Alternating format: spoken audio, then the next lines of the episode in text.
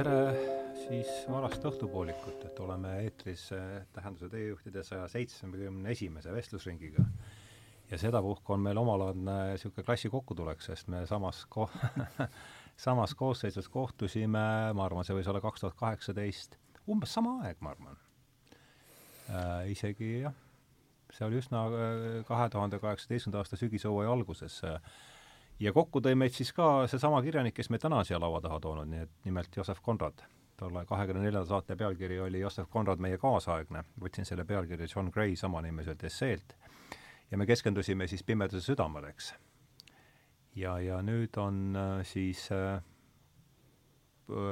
plaan ette võtta sama kirjaniku teine, nad üheaastase vahega ilmusid, ma vaatasin täna üle, et Pimeduse süda oli tuhat kaheksasada üheksakümmend üheksa, Lord Jim tuhat üheksasada ja samal ajal on mul käimas siin Estonian Business Schoolis ka äh, siis Lord Jimile pühendatud kursus, nii et ma olen selles teemas praegu sees ja mul on tõesti suurepärane väga hea meel teid mõlemaid siin tervitada täna, et tere tulemast, Kivisildnik, tere tulemast äh,, Leo Kunnas! tere! et äh, ma ei tea, ja ei hakka siin tutvustamise peale vist aega viitma, et kõik teavad, kellega tegemist on. võtavad eelmise saate ja kuulavad selle algust et sina oled Riigikogus praegu, eks? jaa, et noh, aga praegu muidugi ma olen nagu hunt kriimsilmal üheksa ametit, et hüppame siis nagu kirjaniku ametisse korraks tagasi. palju sul on kirja, palju sul on raamatuid oled, palju? kümme ja üks stsenaarium, et praegu teen teist. mis see teine stsenaarium on? Muistne vabadusvõitlus. muistne, õige, õige, sa rääkisid, jah ja. ja. ja sajand on siis kolmeteistkümnes? kolmeteistkümnenda sajandi algus, kaks tuhat kümme, anno Domini mm. -hmm. siis, ja noh, sul on mis sellest tuleb, film, sari või, või mis? praegu plaanime filmi, aga noh, muidugi võtetest on asi kaugel, et ma jõudsin nüüd esimese täispika stsenaariumi versiooni valmis nüüd äh, täpselt enne, kui Riigikogu pihta hakkas. ehk noh, ma ei ole nii tubli nagu Repinski, kes suudab nagu muudki teha, et, et istungivabal nädalal ehk saame jälle nagu vaadata natukese, aga, aga noh, ei jõua lihtsalt. aga millal sa, millal sa kopa maasse lõid selle stsenaariumiga, millal esimese rea?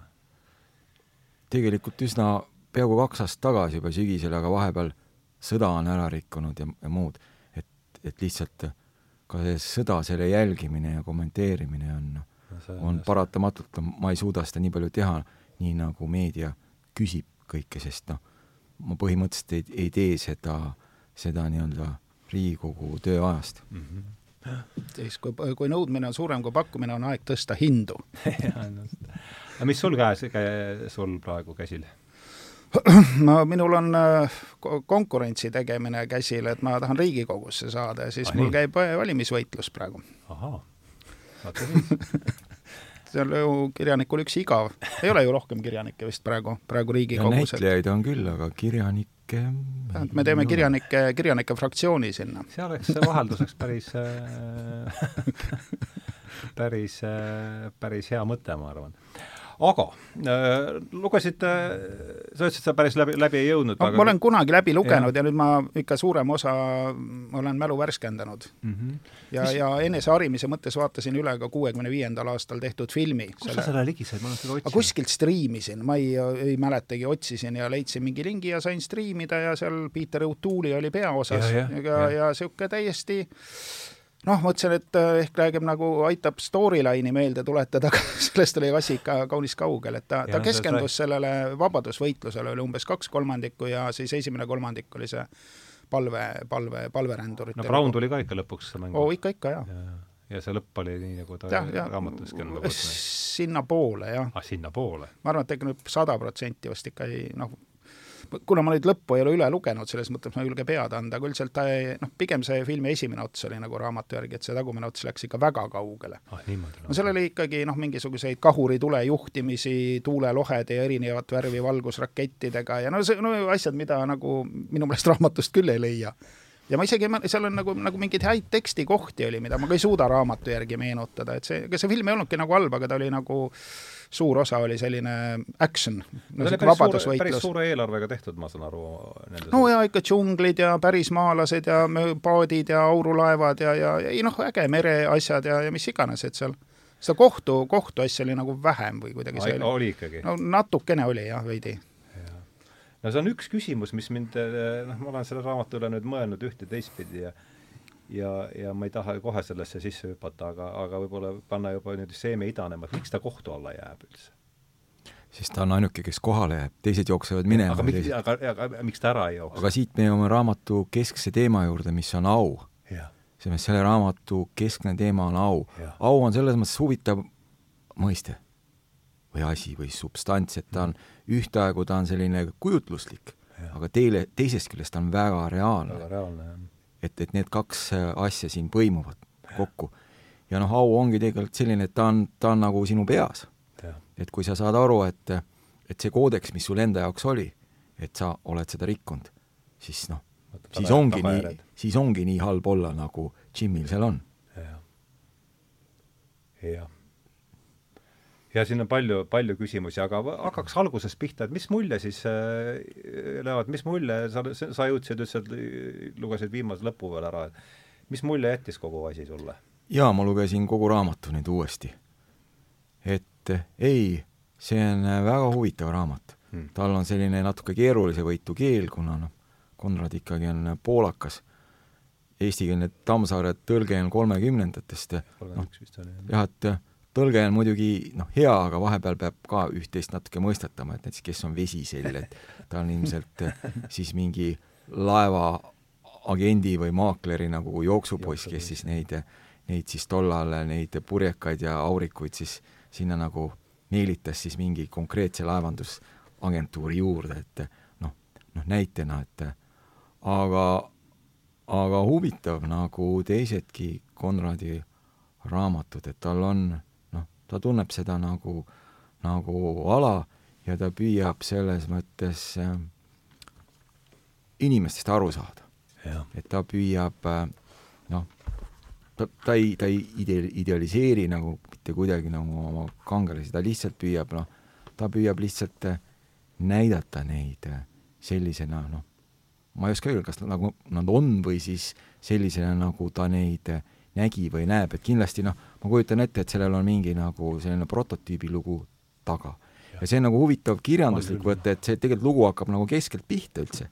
ja siis erinevad nagu isikud jutustavad seda lugu siis, et sealt tuleb nagu, nagu killukeste kaupa, et see ei ole niiviisi, et noh, võib-olla nagu mina kui kirjanik, ma oleks kirjutanud selle näiteks mina tegelasena, et mina kui, kui Jim jutustan nüüd kogu loo, et miks ma siis arvasin sel ajal, miks ma tegin nii, et miks ma sel momendil seal Patnal selles olukorras käitusin nii, nagu ma käitusin, mis järeldused ma tegin, kuidas nagu kõik see edasi läks, kuidas lõpuks noh, noh, ma suutsingi uuesti sinna nagu oma aukoodeksi juurde nagu tagasi minna ja käitusin nagu vastavalt sellele ja käitusin nagu vastavalt sellele siis lõpuni mm. -hmm. et, et, et siin, siin on see jutustamise laad, et nii-öelda need killud siin ja. teiste kaudu on, on, on, on ka nagu huvitav, et et mm -hmm. noh, kirjanikuna ma ütleks, et et mina sellist raamatut võib-olla ei teeks või ei suudaks ka teha. et ma oleks teinud selle nagu hoopis teistsuguse raamatuna, kui mul oleks mingi selline süžee. aga, aga tollegipoolest äh, väga huvitav ja väga selles mõttes õpetlik ja see, seda on ka väga tore kuulda, et näiteks sa ikkagi ülikoolis püüad äh, panna, panna üliõpilasi mõtlema ja kirjutama esseesid ja, ja. ja süüvima kõigesse sellesse, noh, tänapäeval äh, sellega tegeldakse nagu natuke liiga vähe, et et, et juba, juba see ja see raamat on üks neist raamatutest, mis nagu võib anda nagu sügavat mõtteainet. võib küll jah, seda on nagu nuputamist on siin omajagu ja mul on tõesti hea meel, et äh, tulite appi nuputama. aga mis mulje sulle jättis? no ma mm, alati üritan leida seda, mis, mis, mis teeb sellest raamatust selle raamatu, mis ta on mm. -hmm. et üks asi on muidugi teema, lugu, tegelased, noh, see auasi on no, ilmselgelt see on, see on nii, aga ma, ma loeksin ühe mm -hmm. tekstilõigu ette oma nagu võimete kohaselt, ma ei ole väga hea näitleja ega deklameerija, aga see on siis selle kolmekümne esimese aasta väljaandest. mis peatükk see on sul? No see on seitsmekümne esimene lehekülg, see on siin kuskil, eks ta algusots on, ma kohe, kuues peatükk, ma arvan. see vesiste silmadega Jones, kes püh-, pühkis oma paljast pealage määrdunud puuvillase rätikuga, koera haletsev haugatus ja mustus kärbestest rüvetatud kajutis, mis oli tema mälestuste ainsaks pühakohaks, heitsid Braili unustamatule kujule sõna seneta, sõna seletamatult labase traagika varju. Saatuse haugatuse kättemaksuna nii ongi, saatuse hauataguse kättemaksuna tema usu eest oma hiilgusse, mis pidi elult petma tema õigustatud hirmud, peaaegu, võib-olla täiesti. kes võib öelda, millise, millisele meelitavale arvamusele oli ta jõudnud oma enesetapmise kohta? ühesõnaga, siin on äh, selline, selline nagu tekstikoht, kust äh, minu meelest tuleb välja päris hästi tema selline üks, üks võte, mida ta kasutab et see algab siin, eks ole, suhteliselt nagu realistliku sellise olmelise kirjeldusega, eks ole, vesiste silmadega pühib oma, eks ole, pealage nii ja nii on mingis kärbestest rüvetatud kajutis.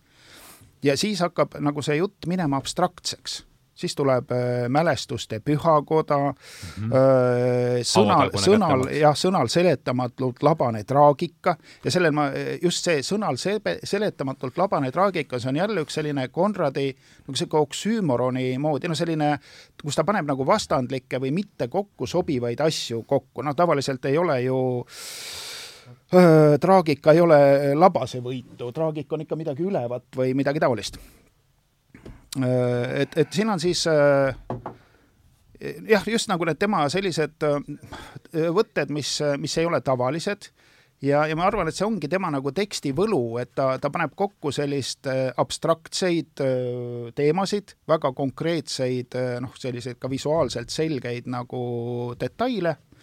Ja, ja siis, ja siis veel osa neid kirjeldusi on vastuolulised noh, või neid, neid epiteete või mis iganes, et need on sellised iseendale vasturääkivad või ääretult ebatavalised. ja minu arust see on selle tema teksti nagu sellise lummuse üks, no loed, loed ja siis mõtlesid, aga okei okay,, see pilt tuleb sulle ette ja siis hakkab tulema selline abstraktne filosoofiline jõuramine ja, ja, ja see on ka tehtud nagu nii nagu huvitavalt, et noh, tavaliselt minul, mul kui keegi hakkab millist väga abstraktset lugu nagu ajama, kus noh, see jutt nagu ei tähenda enam midagi, kus on noh, lõpmatus ja mingisugused asjad, noh, mis, no mis mulle nagu noh, nagu midagi ei ütle või noh, ei ole nagu hea kirjanduse märk, aga tema suudab seda abstraktsust ja filosoofilisust noh, teha nagu nende noh, olmeliste seikade ja ja, ja, ja siis sellise nagu vastuolulisusega nagu söödavaks mm. -hmm. ja ma arvan, et see ei ole ainult minu jaoks nagu söödav, et see on, see on väga hea tehnika ja, ja, ja sellise noh, selliseid kohti on siin palju, mõned, mõned välja, välja märkinud, aga, aga siin on just see, kus on nagu mitu tema sellist huvitavat võtet on ühes, ühes tekstilõigus mm. -hmm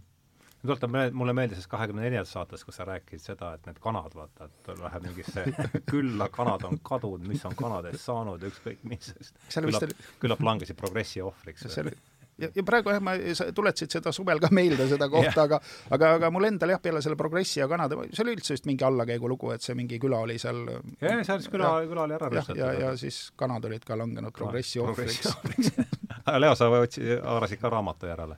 jaa, ma haarasin, ma vaatasin, kas ma leian selle aukoha, kus see prantslane, põhimõtteliselt üks prantslase, prantsuse leitnant nagu rääkis. aa, ah, see, kes rääkis, ta sealt üles nopib, see, see on... ei, see on üks, põhimõtteliselt üks teine, kellega, kellega siin käis üks, üks vestlus, vestlus prantsuse keeles, et Aha. et aga ma võtan ingliskeelse teksti ka ette siis. aga mida sa mainisid nende väljendite kohta, et need on peaaegu nagu äh, natukese nüüdisaegsed kenningid, et mingid täiesti oma suunda pöördavad asjad, mis nagu äh, tahavad midagi öelda ja mida võib, millest võib-olla on võhikul raske aru saada, et noh, ma, ma toon näiteks, näiteks näite Skaldi nagu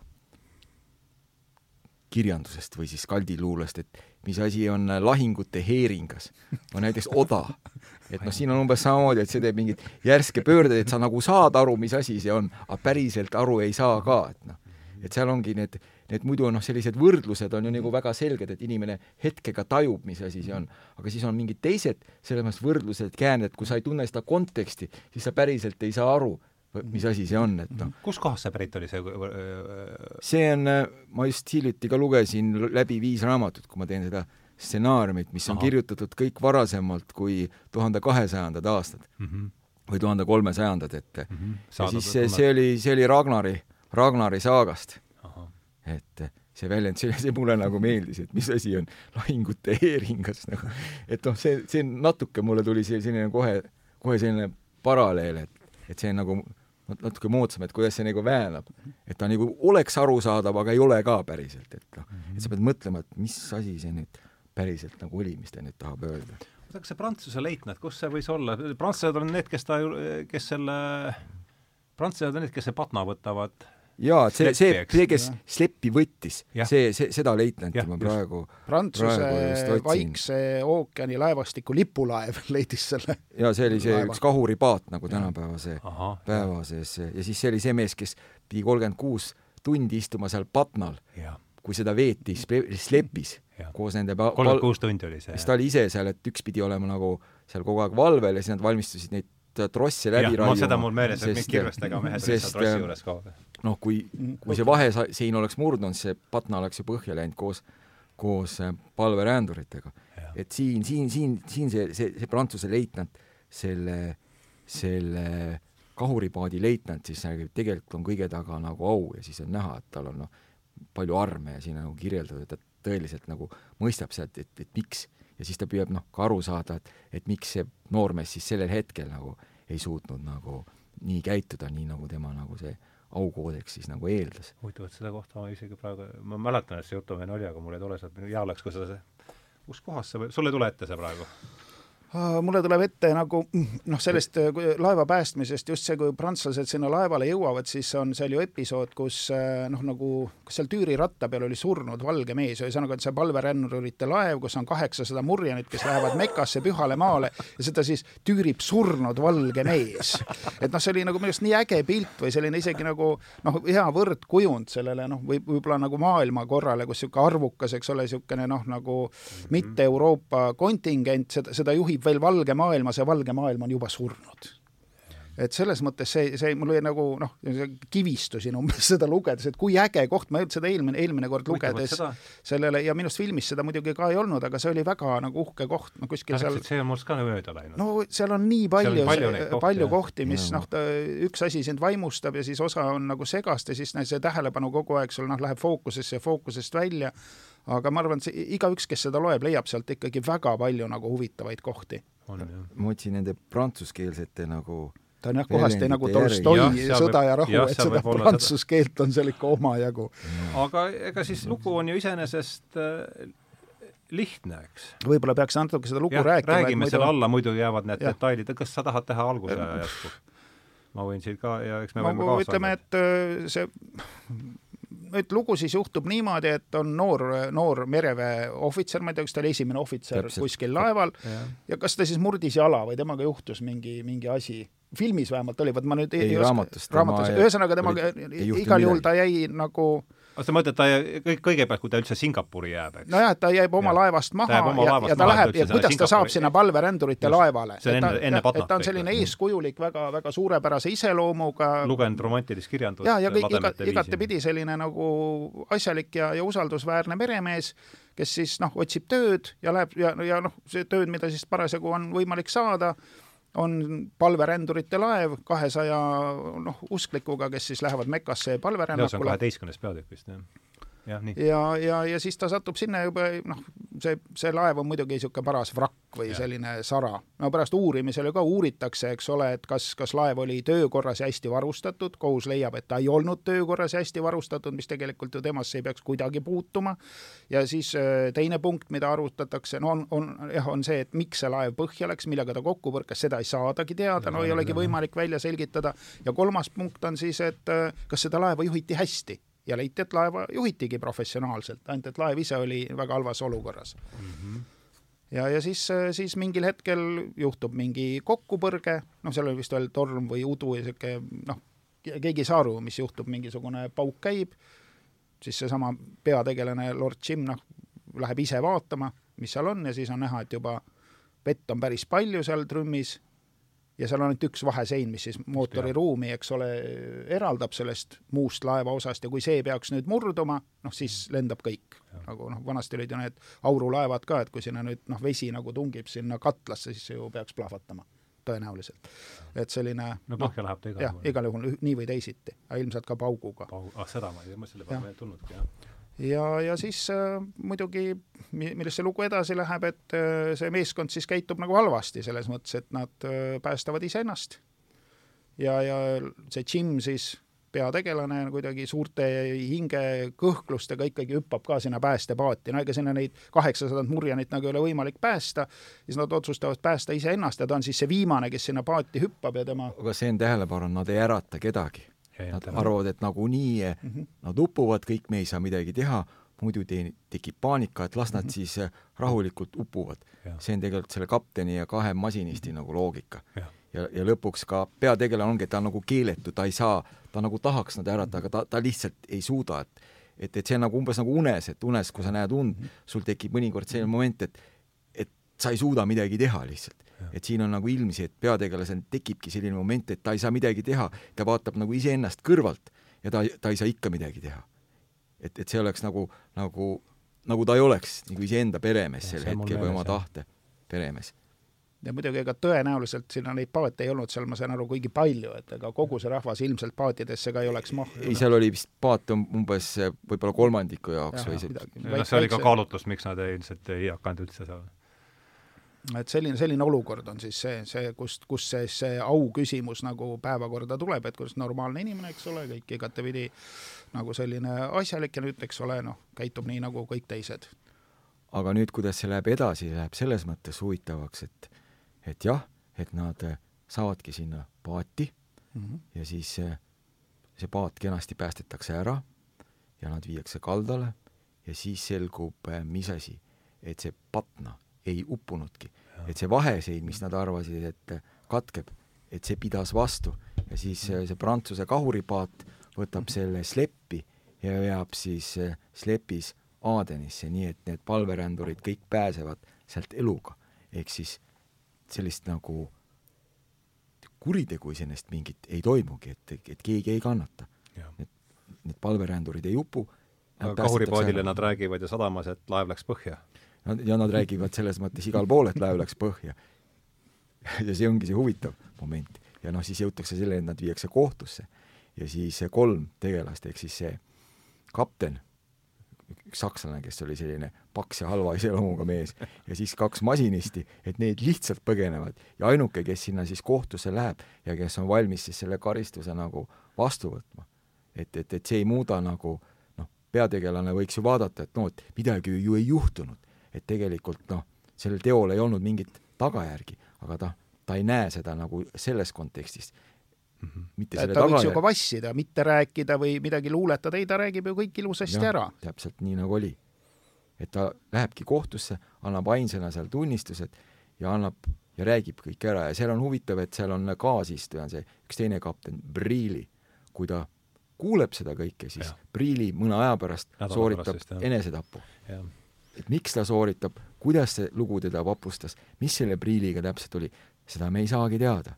aga lihtsalt äh, selline asi juhtub ka veel, et jah, see on üks küsimusi, mis et, veel et see ongi küsimus, et mida see Priili siis, kes oli ka nagu kapten, juba noor, nii-öelda peaaegu edukas, peaaegu nagu briljantne mees, et mis siis temaga oli juhtunud, et kuidas see lugu mõjutas Priilit, et see Priili just nüüd, kellel ei olnud mingit nähtavat põhjust enesetapu teha, sest seal see küsimus oli kõigil, et miks sa ennast tappis, et ta ei olnud joodik, ta ei olnud võlgades, naine ei olnud teda maha jätnud, nagu mingit pealtnäha probleemi olnud ja järsku mees lihtsalt äh, nagu hüppas vahi ajal üle parda. ja see oli tal korrali-, korralikult ette, ette läbi mõeldud ja niimoodi väga täpselt läbi mõeldud, ta kõik andis vahi üle, kõik valmistas ette, et tema abi ei satuks nagu, seal ongi tema selle priili abi silmade läbi see jutustus, et kuidas, kuidas siis äh, see Priili ennast ära tappis, et, et kui, kui põhjalikult ja metoodiliselt ja siis, siis kuidas see lugu juhtus, et see on nagu selline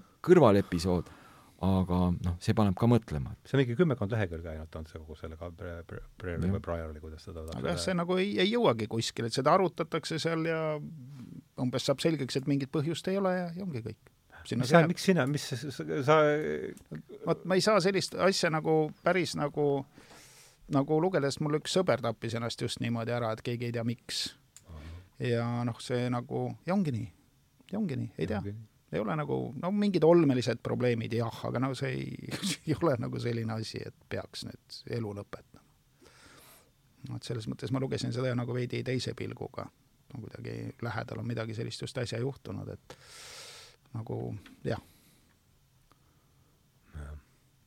jah, et ongi see on realistlik, see on, see on olukorra nagu realistlik kirjeldus. aga muidugi nagu väga puhas, selles mõttes, et nagu üldse mingit põhjust ei ole, et ei ole mingit nagu virvendustki noh, et lihtsalt seal ju räägib vahepeal, et lihtsalt see kohtuasi on teda nagu surmani ära tüüdanud või noh ta ei nagu... kannata seda kohtu all, ta ei kannata seda kohut minu arvates. jah, see, see käis talle ilmselt jah, nagu närvidel, aga kas see saab nüüd olla nii suur nagu no ei kannata välja, no mis temaga saab juhtuda seal kohtus, tema pole ju kohtu all. ei, selge, et see tal tema... ei ole midagi rasket seal otsustada. selge, et seal tema kohtus viibimine ei, ei ole see tõuge, vaid see, et mida siis seesama kohtuprotsess ise siis temas nagu esile ja, kutsub ja, ja, mingid ja. mälestused, mhm. millest keegi midagi ei tea. jah, jah, jah. jah.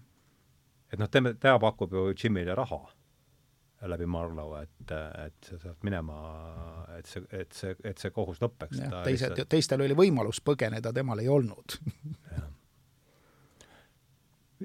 mis, mis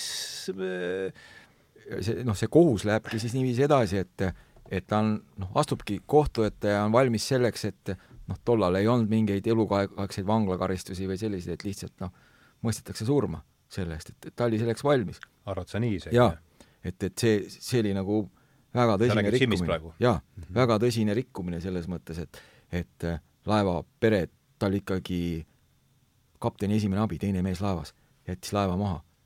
et äh, ta oli valmis selleks ja siis tuligi see vahefinaal, et kohus lihtsalt luges, et kuna midagi ei juhtunud, siis need tunnistused loeti, et need ei kehti, palun, et sa võid minna.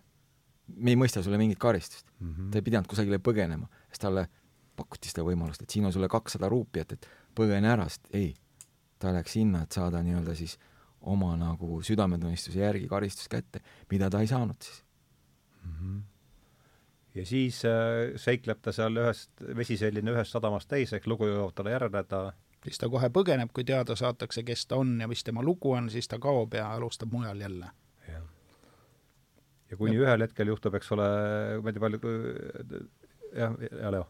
nüüd ma leidsin selle koha. mis lehekülg? see on sada kaheksateist. sada kaheksateist. nii. mina kinnitan, et võib edasi elada väga hästi teades, et julgus ei tule iseenesest. ma ei oska prantsuse keelt nii hästi ne vien pas tout seul mm. -hmm. sellepärast ei maksa muretseda. üks tõde rohkem ei tee elu veel võimatuks, kuid au, au, mu härra, au, see on reaalne. jah, tõepoolest. ja mis väärtus oleks elul, kui ta ajas end järsult kohmakalt jalule, nagu tõusnuks hirmutatud härg rohult. kui au on läinud, ah ka, par example, selle kohta ei oska ma arvamust avaldada sest mu härra, ma ei tea sellest midagi. ka mina olin püsti tõusnud ja püüdes oma poosiga väljendada lõputut viisakust, vaatasime tummalt teineteisele otsa nagu kaks portselankoera kuskil ahjusimsil. pagan võtku teda. ta oli tabanud naelapea pihta. sisustuse rooste, mis varitseb inimeste sõnu, oli langenud ka meie kõnelusele ja muutis selle mõttetuks sõnade tegemiseks väga hea, ütlesin piinliku naeratusega. aga kas lugu ei oleks võinud lõppeda sellega, et selleks poleks saadud teada? näis nagu kavatsenuks ta nõusolevalt vastata, kuid rääkides muutis ta meelt. see, mu härra, on minu tarvis liiga peen, liiga keeruline, niisuguste asjade üle ma pead ei murra. ta kummardus raskelt üle oma mütsi, mida hoidis nokkapidi vigase käe pöidla esimese sõrmega. see on see prantslane toob selle, tabas naelapea pihta, aga nüüd annan tagasi. võta, võta siis see endale, mul on siin alla joonitud, et sa saad sealt ka niimoodi ligi. ahah, jah, see on nüüd siis, see on nüüd siis meil kolme äh,, kolmeteistkümnes peatükk, jah. see, ma arvan, on miks sa, mi-, miks sa seda see võtmekoht. räägi sellest, miks? Sest see, see avab selle tegelikult loo olemuse mm. -hmm et nagu ma anna kohe... anna palun värvi juurde, see on väga huvitav äh, koht. et nagu ma alguses ütlesin, et au, ta on, ta ei ole abstraktne mõiste, ta on kujutluslik mõiste ja samas reaalne mõiste, et, et, et, et kui ma ikkagi leian, et ma ei suutnud nii-öelda olla oma sisemiste väärtuste kõrgusel, ehk siis äh, säilitada oma au nii, nagu ma iseenda silmis seda näen, siis äh, see on väga raske juhtum ja seda on äh, väga raske taastada sedasama mhm. eneseusaldust või enesehinnangut ja see ei pruugi üldse väliselt nagu välja paista. inimesed väga hoolikalt nagu, nagu varjavad kõike seda. ja noh, siin on ka hirmust, et noh, mul on endal see teooria, et hirm ei ole mitte miski muu või tähendab, meelekindlus ei ole mitte miski muu kui kontrollitud hirm mm.. iga inimene tunneb hirmu. Ja noh, ja see on vältimatu. Ja seda lihtsalt, see kontroll tähendabki seda, et kui sa suudad hirmu kontrollida, siis sa võid muuta selle meelekindluseks. ma, see on nagu mu isiklik kogemus, et hirm on olnud paljudes olukordades, ütleks niiviisi, minu vana sõber, kui kasutada natuke samasuguseid väljendeid nagu, nagu Konrad. aga sellega ongi nagu seda vana sõpra ei tohi lasta nii-öelda kontrolli alt välja. ehk siis kui hirmu ei oleks, kui näiteks kas või lihtne kaklus, et kui sa ei kardaks peksa saada, siis sa ei võta ju ennast kokku. kui sa tead, et sa saad peksa, kui sa ei suuda võidelda, siis see paneb su tegutsema, tegelikult sama on ka ühiskonnad ja riigid tervikuna, et noh, et seesama hirm, näiteks seesama hirm, mina tunnen, ma jul-, ma julgen alati tunnistada, et ma tunnen suurt hirmu Venemaa ees. aga see ei tähenda, et ma käituks arutult mm. seesama hirm ongi minu motivaator, muudetuna meelekindluseks, et ahaa, kui nad võt-, võivad teha nii, teisiti või kolmandat moodi, siis tuleb teha nii, et seda ei juhtuks mm. -hmm. ja siis saabki selle meelekindluse muuta ratsionaalseks tegevuseks. Jah, nii ta tundub olevat, aga et kus me nüüd ju-, et see, et see arengulugu nüüd ära rääkida, kus me oleme, et on vesiselline, töötab nüüd, eks ole, ja siis ta on mingi kaklus seal, eks ta viskab kellegi sealt äh, rõdult, kas see on ka mingi keegi, keegi prantslane või? ma ei olnud vist prantslane. On, on seal, eks ole, rõdult, viskab kellegi rõdult alla ja siis, siis läheb Marlau see on ka üks mõistatus, palju mõistatuslikke tegelasi. mis, mis, mis mulje talle see Steini kuju jättis? See, kelle... filmis jättis ta väga hea mulje, seal umbes see tema, tema tutvustamine käis niimoodi, et ta oli oma liblikatega ja. seal kontoris ja siis siis küsib, et no kuidagi räägib, noh, kui tore, noh, need liblikad on niisugused ägedad asjad niimoodi, et kas te teate mõnda liblikat, kellel oleks süda haige või kes oleks seitsmekümne viie aastane ärimees midagi see raamatus oli selline ei, koht üldse, ma, ma otsisin, ma ei leidnud ei seda tule, kohta. aga, aga, see liblikate teema seal oli, aga, aga filmis oli, oli minu arust see oli väga ilus, kuidas see noh, nagu toodi nagu sihuke, siuksed liblikad. Ja ei raamatus ka liblikad olid raamatus. aga, aga see, neid lauseid mina küll ei mäleta. aga need la-, raam-, need laused on, ütleks niiviisi, selle raamatu vaimus. Et nad ei lähe sellest nagu teemast, et Stein muidugi on väga sümpaatne tegelane, vana mees, palju läbi elanud, kõik, kõike näinud, noh, tema lugu on ka siin eraldi nagu, nagu loona. Kindlasti, kindlasti äh, huvitav tegelane. et, et see Vesiselli lugu, noh, areneb järjest, et ta põgeneb, põgeneb, põgeneb ja see läheb nii-öelda siit Araabia poolsaarest järjest kuni, kuni Malaisia ja Indoneesiani, et niiviisi need sadamad lähevad ja lõpuks noh, hakkab see nagu Vaikse ookean vastu, Vaikne ookean vastu tulema, ei ole väga palju enam kuskile põgene. ja siis tuleb see, see muutus, siis tuleb see nagu muutus, et et ta sinna põhimõtteliselt siis äh, lähebki siis äh, selle Malaisia, Malaisia siis väiksele, väiksele saarele. Mm. -hmm sinna, et pole enam kuskile Patu, Patusan Patusan jah, Patusan oli selle saare nimi. ja lugesin ühte mm, temast kirjutatud väga, väga hea elulugu, küll ühe olen neist, mitte, see ainus, mis ma ta elust olen lugenud, aga seal on Patusan on anagramm sõnadest patna ja ass. et seesama, et see see mantra, mis käib kogu, millest võiks ka veel rääkida, see mantra, mis käib nagu läbi terve mm -hmm. raamatu, et ta oli, ta oli üks meist või ongi, et ta, ta oli, ta oli üks meist, et et see on omaette huvitav. ja Patu, aga räägime selle loo ära siis, et oleks kuulajatel lihtsam äh, kaasas püsida, siis saab, siis saab mis asi edasi siis on? siis algab jälle eh, nagu Konradil Pimeduse südames selline jõeretk, jõeretk, kus siis jõe seal kuskil retke lõpus ootab siis mingisugune Stein ühesõnaga saadab ta sinna Patusani, saadab ta sinna esindaja seal. jah. jah.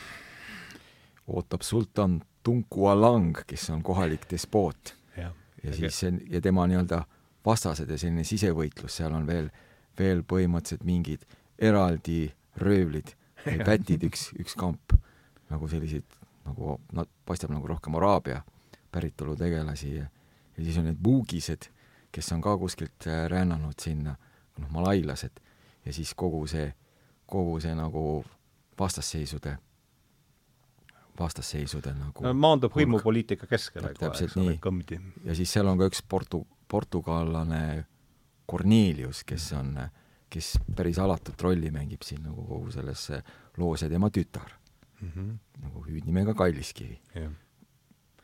ah, ta on Corneliuse tütar või muidugi, jah? ei, tähendab mitte lihane tütar, vaid ja. parandan, kasutütar, ehk siis Corneliuse naise, naise nagu ja. tütar, just, kes on surnud selleks ajaks ja siis läheb ju kõik kenasti mõnda aega. mõnda aega läheb isegi, läheb nagu romanssiks või millekski taoliseks. ta aitab seal sellel part-, ühel parteil siis peale jääda, lahingutegevusest peale jääda ja ja temast saab tuhan-, temast, seal tast saabki Lord Jim mis ta äratab usalduse kohalikes, muidugi filmis on see kõik, see kaks kolmandikku, see on pikk film, kaks pool tundi, mis näitab juba, et ta on suure eelarvega ja niisugune nagu tõsiselt tehtud asi, et seal minu meelest üle, üle, jah, üle poole, mingi kaks kolmandikku on ainult see vabadusvõitlus, aga seal ei ole see nagu kohalike hõimude vahel, vaid nagu kohalikud sõdivad eh, prantslastega, kes nüüd on siis seal sellised piinajad ja, ja no mida kõike nad seal teevad, ühesõnaga see on ikka väga vabalt ümber. väga hirmus seltskond. et eh, jah, et kell selline nagu sellise noh, nagu action-filmi huvi on, et siis see film nagu suures osas ongi, et raamatus see on jah, selline suhteliselt nagu väike, väike episood, et seal on ikkagi väga, väga palju igasuguseid noh, selliseid tehnilisi, noh, kuidas need pärismaalased siis ikka võitlevad nende koloniste, kuidas nad piiravad ja kuidas nad seal äh, neid relvi peidavad ja see on tõesti nagu mingisugune geriljavõitluse õpik seal aga, aga jah, raamatus ma, ma vaatasin nagu vahepeal filmi ja siis lugesin raamatut ja leidsin pettumusega, et raamatu lõpupoole ikkagi üldse sellist suurt, suurt action'it ei käi. see on hämmastav, et ma sellist nagu vabadusvõitluse nagu teemat isegi sellise esimese lugemise järel üldse ei mäletanud, see nagu tundus ei, nii suhteliselt kõrvaline asi selles raamatus olevat. ei, siin seda tegelikult päris ei olegi, et seal on see see nii-öelda omavaheline võitlus, et see episood on... täidab minu arust romaanis ainult seda rolli, et teha temast tu, see Tuan, Tuan või Lord Jim. kõige paham, paham tüüp on see šerif Ali ja, ja tema jõuk, kes siis terroriseerib põhimõtteliselt seda Patusani ja. nagu keskust ja siis see, keda, keda siis Lord Jim seal toetab, on siis Toramin, üks, üks ja. vanem, vanem mees, kes siis juhib neid puugiseid ja siis tema poeg Tain Varis, kes on, kellest saab ka peategelase oluline nagu, nagu sõber mm -hmm. ja siis nad viivadki läbi siis, siis selle nagu operatsiooni, millest see filmis on tehtud nagu põhi, selline põhi, põhisündmus, et, et nad lihtsalt, see šerif Ali seab seal see linna lähedale ennast nagu laagrisse ja terroriseerib praktiliselt mhm. kõiki. ja siis näevad lihtsalt, neil on mõned vanad messingsuurtükid ja mõned raudsuurtükid, noh, iseenesest mis, mis kõlbavad ainult peenrahaks, nagu öeldakse. aga nad tassivad selles mõttes neid nagu kõrgemale positsioonile, avavad sealt tule ja samal ajal ründavad seda, seda siis šerif Ali laagrit ja praktiliselt purustavad ja peksavad nad seal minema, pärast mida siis ka see Tunku Alang siis lõpetab ka nende vastu, et nad saavutavadki seal nagu ülevõimu ja, ja praktiliselt eh, Lord Jim siis, siis muutub sisuliselt eh, nagu sisuliseks valitsejaks. võimuliidriks, jah ja. ja.. ja kes siis on lõpuks teinud midagi head. jah, ja seal ta saab mõneks ajaks endaga rahu, kuni tuleb pildile Gentleman Brown, Brown.. no seal ta võitleb ka isiklikult nagu väga vapralt. Ja, ja, ja, ja selles mõttes kellelgi ei, ei jää kahtlust, et tegelikult noh, ta on nagu ei kahtlus on ainult Kalliskivil, et ta ikkagi äh, ühel hetkel äh, kaob, kaob.. no Kalliskivil no, on valged mehed ikka kaovad, ega see ei ole lambist võetud kahtlust. jaa, et seal, seal Kalliskivil see kahtlus on, et, et, et ta kaob, et ja, ja mis ka lõhtub, eks mis ka lõpuks ja. juhtub. jaa, ja Gentleman Brown tuleb siis meil kolmekümne, mis seitsmes, nelikümmend viis tükk, neli, nelikümmend viis peatükki neid üldse on, eks? kas nii palju, neli on? nelikümmend viis oli minu meelest, jah. kui mul on õigesti meeles. jah, õigus. noh, näed. ikka oli ikka õigus, jah. no Gentleman Brown tuleb kusagil kolmekümne kuuendas vist või kolmkümmend, isegi kusagil seal kolmekümnendate lõpus, et ja sellega algab siis viimane osa sellest romaanist, nii, nii palju, kui mina aru saan, eks, kuidas, mis ja see on üks küsimus, kuivõrd me rääkisime siin kursuse pooleli ja küsimus, mille üle me siis äh, siin koos pead murrame, ongi see, et miks ta annab Brownile vaba tee merele, et see oleks üks äh, üks äh, küsimus, millega tahaks äh, teid ka kimbutada, aga et räägiks lõpuks selle romaani, räägime selle süžeestiku ära, siis on kuulajatel kaasas võib-olla kergem võib-olla kaasas püsida. ma ühesõnaga üks kamp kasvuahneid lurjuseid otsustab puhta nurga teha sõidavad mingi vana kuunariga kohale, arvavad, et nad on, võtavad üle lihtsalt kõik. nii. kamp kasvuahneid lurjuseid osutab nii, no, nii, nii see, nii see oligi. oli, oli. no ja siis äh, algab jälle sõda või mingisugune, mitte küll sõda, aga selline erioperatsioon või niisugune väiksemõõdulisem verelaskmine. mis, mis siin tegelikult toimub, on see, et see kuunar, see küna ujub siis sinna kohale ja need kamplurjuseid, nagu sa õieti väljendasid, siis üritavad sedasama nagu patusani seda nagu keskust haarata siis enda kätte ja Jimmy pole parajasti kohal, ta on kusagil sisemaal mm -hmm. ja muidugi noh, malailased siis näevad selle ja tegelikult tõrjuvad selle esimese rünnaku, lihtsalt lasevad vastu, kuigi neid seal saab haavata natuke ja siis need äh, lurjused siis äh, põgenevad ühele mäele ja siis teevad sinna kindlustatud laagri mm. -hmm. ja siis tegelikult noh, õige taktika oleks olnud kohe nad sealt purustada, aga aga siis see Dain Varis, noh, tajus ja, ja Kalliskivi, nad said aru, et seda on vaja kohe teha, aga nende nii-öelda hõimukaaslased, nad ei suutnud neid nagu veenda, et nüüd peaks et ootame ikka Jimmy ära, et vaatame, siis otsustame, et mis me nagu teeme ja siis, siis nad istusid seal mäe peal, aga siin tuleb mängu jälle nüüd selle Tunku Alangi nagu teenrid seal, kes lähevad kohe nagu vaatama, et äkki saab siit mingit kasu lõigata või võiksid need lurjused aidata vaekaussi endale, enda poole kasutama, kallutada. võimupoliitika. ja siis see Cornelius, kes noh, kes on kogu aeg veendunud olnud selles, et, et see Jimmy positsioon on, ei ole ära teenitud ja peaks Jimmy kõrvaldama ja siin on suurepärane võimalus, et siin on siis mehed, seesama Kamp Lurjused, kes võiksid siis seda teha. jah, kelle kätega seda teha, jah. jah, ja siis äh, seal on üks, ma selle lõppu lugesin siin veel eile või üleeile üle, et et seal on ju siis lasevad, eks ole, räägi. aga nüüd, nüüd me jõuamegi selle sinu küsimuse juurde, et miks nad minna, miks siis need sündmused lähevad edasi, Jim tuleb sinna ja siis räägib läbi nii-öelda selle Browniga. Browniga. ja siis seal toimub ka üks episood, kus nagu noh, Jim küsib Browni käest umbes, kes sina oled ja miks, miks sa siin oled. ja siis see küsib vastu, et aga kes sina oled ja miks sina siin oled. ja see nagu tekitab see pani ta võpatama. see pani ta võpatama, sellest Brown veel nagu räägib pärast nagu ja. uhkusega, kui ta seda lugu nagu, nagu jutustab, tema muidugi ei, ei saa kunagi teada, et, et miks see niiviisi nagu oli. tema ei saagi teada. tema ei saa seda teada. aga siin nüüd nad räägivad läbi ja, ja mis nüüd äh, Jim teeb, et, et ta lihtsalt ütleb, et et kui, kui te siit ei lahku, et me tapame teid lihtsalt ära, et teil on nüüd kaks varianti, et me võime teid minna lasta kui te nagu vabatahtlikult lähete. ja siis see Brown nõustubki sellega, aga siin tuleb mängu siis Cornelius, kes ütleb, et tegelikult siit on üks nagu, nagu kõrvaltee või kanal ka, et kus sa, kus saab minna, et et siis see Dain Varis oli nagu oma meestega varitsemas seal nagu laeva juures ja siis kusjuures Jim saadab talle sõna, et need mehed tuleb vaba, vabalt läbi lasta. jaa, et miks nad, noh, seesama au, et yeah., et lihtsalt Jim arvas, et tema aukoodeksi järgi peaks noh, nad on küll lurjused, aga hästi, et me rääkisime läbi, siis laseme neil minna no filmis on see läbirääkimiste koht, minu meelest on ta palju põhjalikum, seal on see, Brown on veel eriline psühholoog, kes kuidagi mängib tema filmis. süü, jaa, filmis selle Youtube'is on olemas see viieminutiline lõik, seda ma olen ja, näinud. ja selle süütunde peale, et noh, ja, ja pärast seal omavahel need kaabakad siis räägivad, et kuule, aga mis süü tal on, et ah, ma ei tea, mis seal on, aga peaasi, et ta ise tunneb, et ta on ah, süüdi ja siuke noh, et seal nagu, et seal on päris palju sellist, mis nagu seletab või seal filmis üüta, püütakse seletada asju, mida no nagu raamat ei, ei seleta, see raamatu võlu on pigem just, et seal ei, ei seletata neid asju.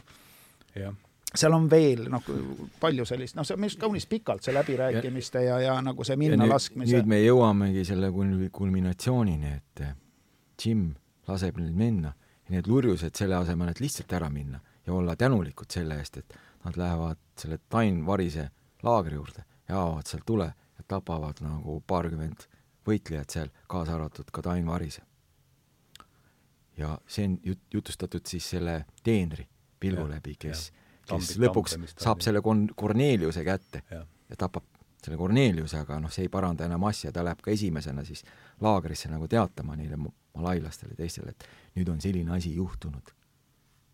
ja siit, siit me jõuame siis kulminatsioonini, et et kes tahab rääkida selle et minul on lõpp halvasti loetud, et ah, sa ei ole, jaa, õige, sa ja aga lõpp on, no mida, räägi ise lõpp no,. ma räägin lõppu selles mõttes ise, et et jah, et siis tulebki noh, see lugu välja, mis on juhtunud, et löödud võitlejad tulevad sealt nagu paanikas tagasi.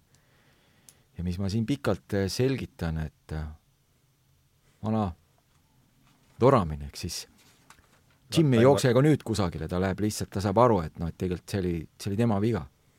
ja see Dain Varis, kes on selle nagu pealiku poeg, on, on surnud, see oli selle poisi praktiliselt parim, Jimmy parim sõber seal.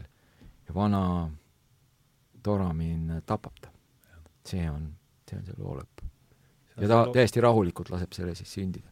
peaaegu selline, see, see, seda kohta võib-olla tasub isegi lugeda. jah ma loengi siin kolm viimast lõikut ja see on nüüd lõpp. ta, see on pärast seda, kui lask on juba toimunud, siin on täpselt äh, võib-olla isegi võtan ühe lõigu, rahvamurd, mis Jimmy selja taga äh,, rahvamurd, mis oli Jimmy selja taga kaheks jagunenud, niipea kui Toramen tõstis käe, tormas pärast pauku rüsinale ettepoole. Nad ütlevad, et valge mees saatnud paremale ja pahemale poole uhke kindla pilgu. siis langes ta käsi huulte, huultel surnult kummuli maha. ja see on nüüd lõpp ta vajub kaduvikku, paistes nagu läbi udu, olles arusaamatu, unustatud, andestamatu ja haruldaselt romantiline. isegi oma pöö-, isegi oma poisipõlve pöörasemas unelmates ei võinud ta näha nii harukordse edu ahvatlusi. sest väga hästi võib olla, et oma viimse ja uhke, oma viimse uhke ja kindla pilguga silmas ta selle ihaldatud juhuse viirastust, mis tuli idamaise mõrsjana looritatult tema kõrvale aga meie võime temas näha tundmatut kuulsuse kütti, kes kisub end, kisub end lahti kiiva armastus, armastuse kütkeist oma üleva egoismi kutsel. ta lahkub elavast naisest, et pühitseda oma halastamatut pulmi mingi varjutaolise aumõiste ideaaliga. on ta nüüd rahul? täiesti, küsin ma. seda me peaksime teadma. ta on üks meist. ja kas ei olnud mina see, kes tõusis millalgi välja kutsutud vaimuna üles, et vastutada tema iseloomukindluse eest? Kas ma lõpuks eksisingi nii väga? nüüd ei ole teda enam, kuid on päevi, mil tunnen tema olemasolu määra-, mil tunnen tema olemasolu reaalsust määratu ja masendava jõuga. ja ometi ausõna on ka hetki, mil ta kaob mu silmis kehatu vaimuna, mis eksleb maiste kirgede keskel ja on truult valmis alluma oma varjude ilma, varjude ilma nõuetele. kes teab? ta on läinud ilma, et keegi oleks temast päriselt aru saanud. ja vaene tüdruk elab mingit hääletut toimetut elu Steini majas Stein on viimasel ajal ruttu vananenud. ta tunneb seda ka ise ja ütleb sageli, et valmistub kõike seda maha jätma. valmistub maha jätma ja viipab nukralt oma liblikate poole. Need liblikad tulevad viimases lauses. aga ehk sa loeksid ka selle koha, kuidas Toramin okay. ta tapab ja kuidas ta sel ajal käitub, see on ka väga oluline koht, natuke enne. see on lõik enne, jah. lõik enne, kuidas see täpselt aset leiab. jah tema tuli, see on siis kaks lõiku veel edasi, tema tuli, tema tuli, jooksis suust suhu sumin, mille suunas liikus Jim. ta võttis vastutuse enda peale, ütles üks hääl valjusti. Jim kuulis seda ja pöördus rahva poole, jah, mina vastutan selle eest. mõned inimesed põrkasid tagasi. Jim ootas veidi Toramini ees ja ütles siis vaikselt, ma tulen leinas. ta ootas jälle, ma tulen valmilt ja relvadeta, kordas ta. kohmakas vanamees kallutas oma suure otsaesise nagu härg painutab pea ikke all ja katsus jõudu pingutades üles tõusta, haarates tule, tulelukkuga püstolit põlvedelt. tema kurgust tuli kurisevaid lämmatatud ebainimlikke hääli ja kaks teenrit tõttasid teda aitama. inimesed märkasid, et sõrmus, mille ta oli pannud endale sülle, kukkus maha ja veeres valge mehe jalge ette ning et vaene Jim vaatas alla talismanile, mis avas talle kord tee kuulsusele, armastusele ja edule keset ümbritsevate metsade keset ümbritsevate metsade valli ja valge va-, ja valge vahu palitust rannal, palitust rannal, mis paistab õhtuse päikese helgil mis paistab õhtuse päikese helgil öökindlusena. see, läks nüüd üldse sassi ägarast olla. Toramin, kes katsus jalule tõusta, moodustas kahe teda toetava teenriga tuikuva rühma. tema väikesed silmad vahtisid hullumeelse piina ja vihaga, vahtisid metsikult välkudes, seda panid kõik juuresolijad tähele ja kui Jim seisis tungalde vahel kangestunult ning palja peaga, vahtides Toraminile otsa näkku, haaras see, haaras see kummardanud noormehe kaela ümbert vasaku käega kinni ja tõstes hoolikalt pare-, ja tõstes hoolikalt parema, laskis oma poja sõbral kuuli südamest läbi. ja nüüd tuleb see, mille ma siin enne ette lugesin, et see on siis selle romaani grand finaale see pole veel midagi, ma räägin, kuidas film lõpeb. filmis on asi palju lihtsam ja selgem. esiteks on seal kaks keldrit täis kulda ja kullakaste. Mhm. esimene on prantslaste oma see lastakse õhku niimoodi, et prantslased taganevad, eks ole, kuna on see väga keeruline lahing ja operatsioon seal, mis on no vaadake ise, see on päris huvitav no,. see on ikka hoopis teine lugu siis? oi, see on põhiline lugu üldse nagu hästi korralik niisugune action käib. ja siis prantslased taganevad oma varanduse keldrisse ja nad peavad seal veel vastu, aga siis Jim paneb ühe püssirohu tünni käru peale ja viib sinna nagu selle keldri või ma ei tea, mis ruum see seal on, kas nad on varandusega põinud selle ukse taha ja siis napilt pääseb ja siis see kõik need prantslased lendavad seal õhku, need pahad siis. ja siis tulevad need Browni tüübid, aga seal on, kuskil on veel teine varanduse kelder või mingisugune tempel, mis on ka kullakaste juhuslikult täis. Brown on veel kogu selle sega, segaduse keskel siis ka veel no tema palgatakse filmis selleks, et need, noh, see kuld ära tuua. ma ei tea, see teine kuld siis, esimene ilmselt lendas õhku või ma ei tea, korjati kokku ja pandi teise kohta, sellest ei ole, ei saa aru, kust see kuld sinna tuli, igal seal on meeletult kulda ja, ja siis äh, muidugi seal see parim sõber saab seal kulda varvates surma ja siis äh, noh see Tain, see Tain Varis või? jaa, mulle tundus küll, ma ei tea, seal oli vist võib-olla teise nimega. ühesõnaga okay. see kõige parem sõber, kes tal seal oli ja kellega nad koos võitlesid, noh, see, see saab seal noa kõhtu ja on suremas või surnud ja siis see Browni jõuk nagu tuleb sinna siis sinna, noh, tema on üksi, see Jim seal aga, aga enne on veel see episood, kus see surev sõber, noh, seal mille, alguses on nagu filmis öeldud, neil on ainult üks kahur, aga siis selgub, et seal äh, teises kullakambris on veel kaks väikest kahurit ja siis see surev sõber topib kuldmünte sinna, laadib need kahurid kuldmüntidega. Need on nagu see tulelukuga kahurid. ja siis, siis kui see kamp neid äh, kaabakaid tuleb sinna sisse, siis äh, Jim laseb üle sureva sõbra need kaks kahurit, mis on kullaga laetud ja siis nad surevad kõik. vot selline lõpp on niisugune tulid kulla järgi ja saidki oma kulla. aga Jim jääb siis ise ellu seal? jah, jah, jah, jah aga sõ-, sõber muidugi on surnud juba vist või, või sureb edasi. aga mida see Brown seal siis veel sehkendab üldse? ei no ta, tema palgatakse, ta on kohalik jälgand, kes on teinud kõike patte, mida isegi piiblis pole üles kirjeldatud, ta on nii paheline ja, ja tema palgatakse siis nagu seda kulda ära tooma. seal mingi selline intriig ah sa sihuke siis see muidugi natuke kaha, kaha see on, see on juba läheb minu meelest raamatu vaimust nagu, et seal mõned ja. kohad nagu on raamatu vaimus, aga minu arust selle kohta ma küll ei julgeks nagu aga see on ju täiesti teine lugu, see on, see, see on ikka niisugune Hollywood, Hollywoodi variant. kahandas tõe, tugevalt mu soovi seda filmi no, raamatus me nagu seal mingit kulda ei näinud, et seal oli kakskümmend dollarit ja kaheksakümmend dollarit oli juba nii suur summa mille, mida meeletud varandused, suured kullakastid ja neid ei olnud seal üks. see on mingi Indiana Jones'ist tehtud, pandud ja, sinna, tehtud uuesti. no et Hollywoodi vaatajad oleks rahul, et noh, see autunne ilmselt ikkagi noh, mis on raamatus põhiline, ei ole nagu müügi jaoks vist piisav argument. ja, ja et siin no ma arvan, ka see on üks põhjus, see film ei ole ikkagi, ma ei tea kedagi, kes seda nagu vaadanud oleks või, või keegi, kes sellest rääkinud oleks. jah, et raamatus muidugi suurim summa oli kaheksakümmend dollarit mida siis Cornelius tahtis selle eest, et kui, kui Jim siin alguses tuli, et ma viin sind siit minema, et annad mulle kaheksakümmend dollarit ja oled pääsenud nagu.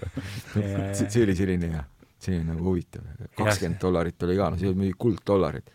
selles mõttes kümme dollarit oli unts ja nii et no see on hea, et sa selle filmi ära vaatasid, me teame, et filmil ei ole raamatuga ikkagi suurt siis algusega, algus jah, läheb nagu enam-vähem ja siis mingil hetkel, kui, kui see action nagu tuleb, siis see, see läheb juba täiesti metsa. ta on mm., põhimõtteliselt on ta vaadatav, ta ei ole nüüd hirmus halb, aga see, see lõpp, mida, mida lõpupoole, seda muidugi jaburamaks ja, ja niisuguseks karnevaliks ta seal läheb. Yeah siis mina nägin et see on ju tegelikult paljude heade raamatute saatus, et need filmid ikkagi tehakse nagu mitte raamatu järgi, vaid publiku järgi no.. ja, ja siis nad lähevad mingiks muuks asjaks õigemini nad te tehakse nende hinnangute järgi publikule, mida produtsendid annavad et, et, et kõige... film ära tasuks. ja kõige hullem on see, et neil on debiilikutest need eh, noh, nagu testvaatajad, kellele filme näidatakse. no niisugused nagu, nad on välja valitud sellised rumalad inimesed, noh, kes esindavad rumalat publikut. ja nendel ongi kõige suurem võim, võib-olla ma saan valesti aru, aga ma olen niimoodi, noh, nendest, mida ma loen mõnikord nagu filmide kohta, et film on nagu valmistatud, näidatakse idiootidele, no täis idioodid. ja siis need idioodid ütlevad, see ei lähe ja see ei lähe ja film tehakse ringi no no, sest nad, neil on usk nendesse nagu, et ne- no., et kui see tüüp, see rumal inimene ütleb, et see film ei lähe, siis nad usuvad ja kui nad ütlevad, see läheb, siis nad usuvad ja nad teevad filmiringi täiesti mingite põmmpeade järgi no,. Sven, ma võin küll kinnitada, et tuhat üheksasada nelikümmend nelja me küll nii ei teinud vähemalt, et ainuke film, mille tegemisel ma olen ise osalenud. sa ei olnud Hollywoodi. jah, ja just see, see, et seal, kus ikkagi noh, sajad miljonid on mängus, nad üritavad neid miljoneid iga, iga hinnaga kasvatada ja ju siis see kogemus nende noh, tobukestega, täiesti suvalised leod, kes on nagu kuningad seal Hollywoodis sisuliselt, türannid. ei no selles mõttes, mis Leol on alati hea, kui asjad on hästi, on Peo Leoga veel halvasti, Leo Leo nagu. ja see, see oli meelega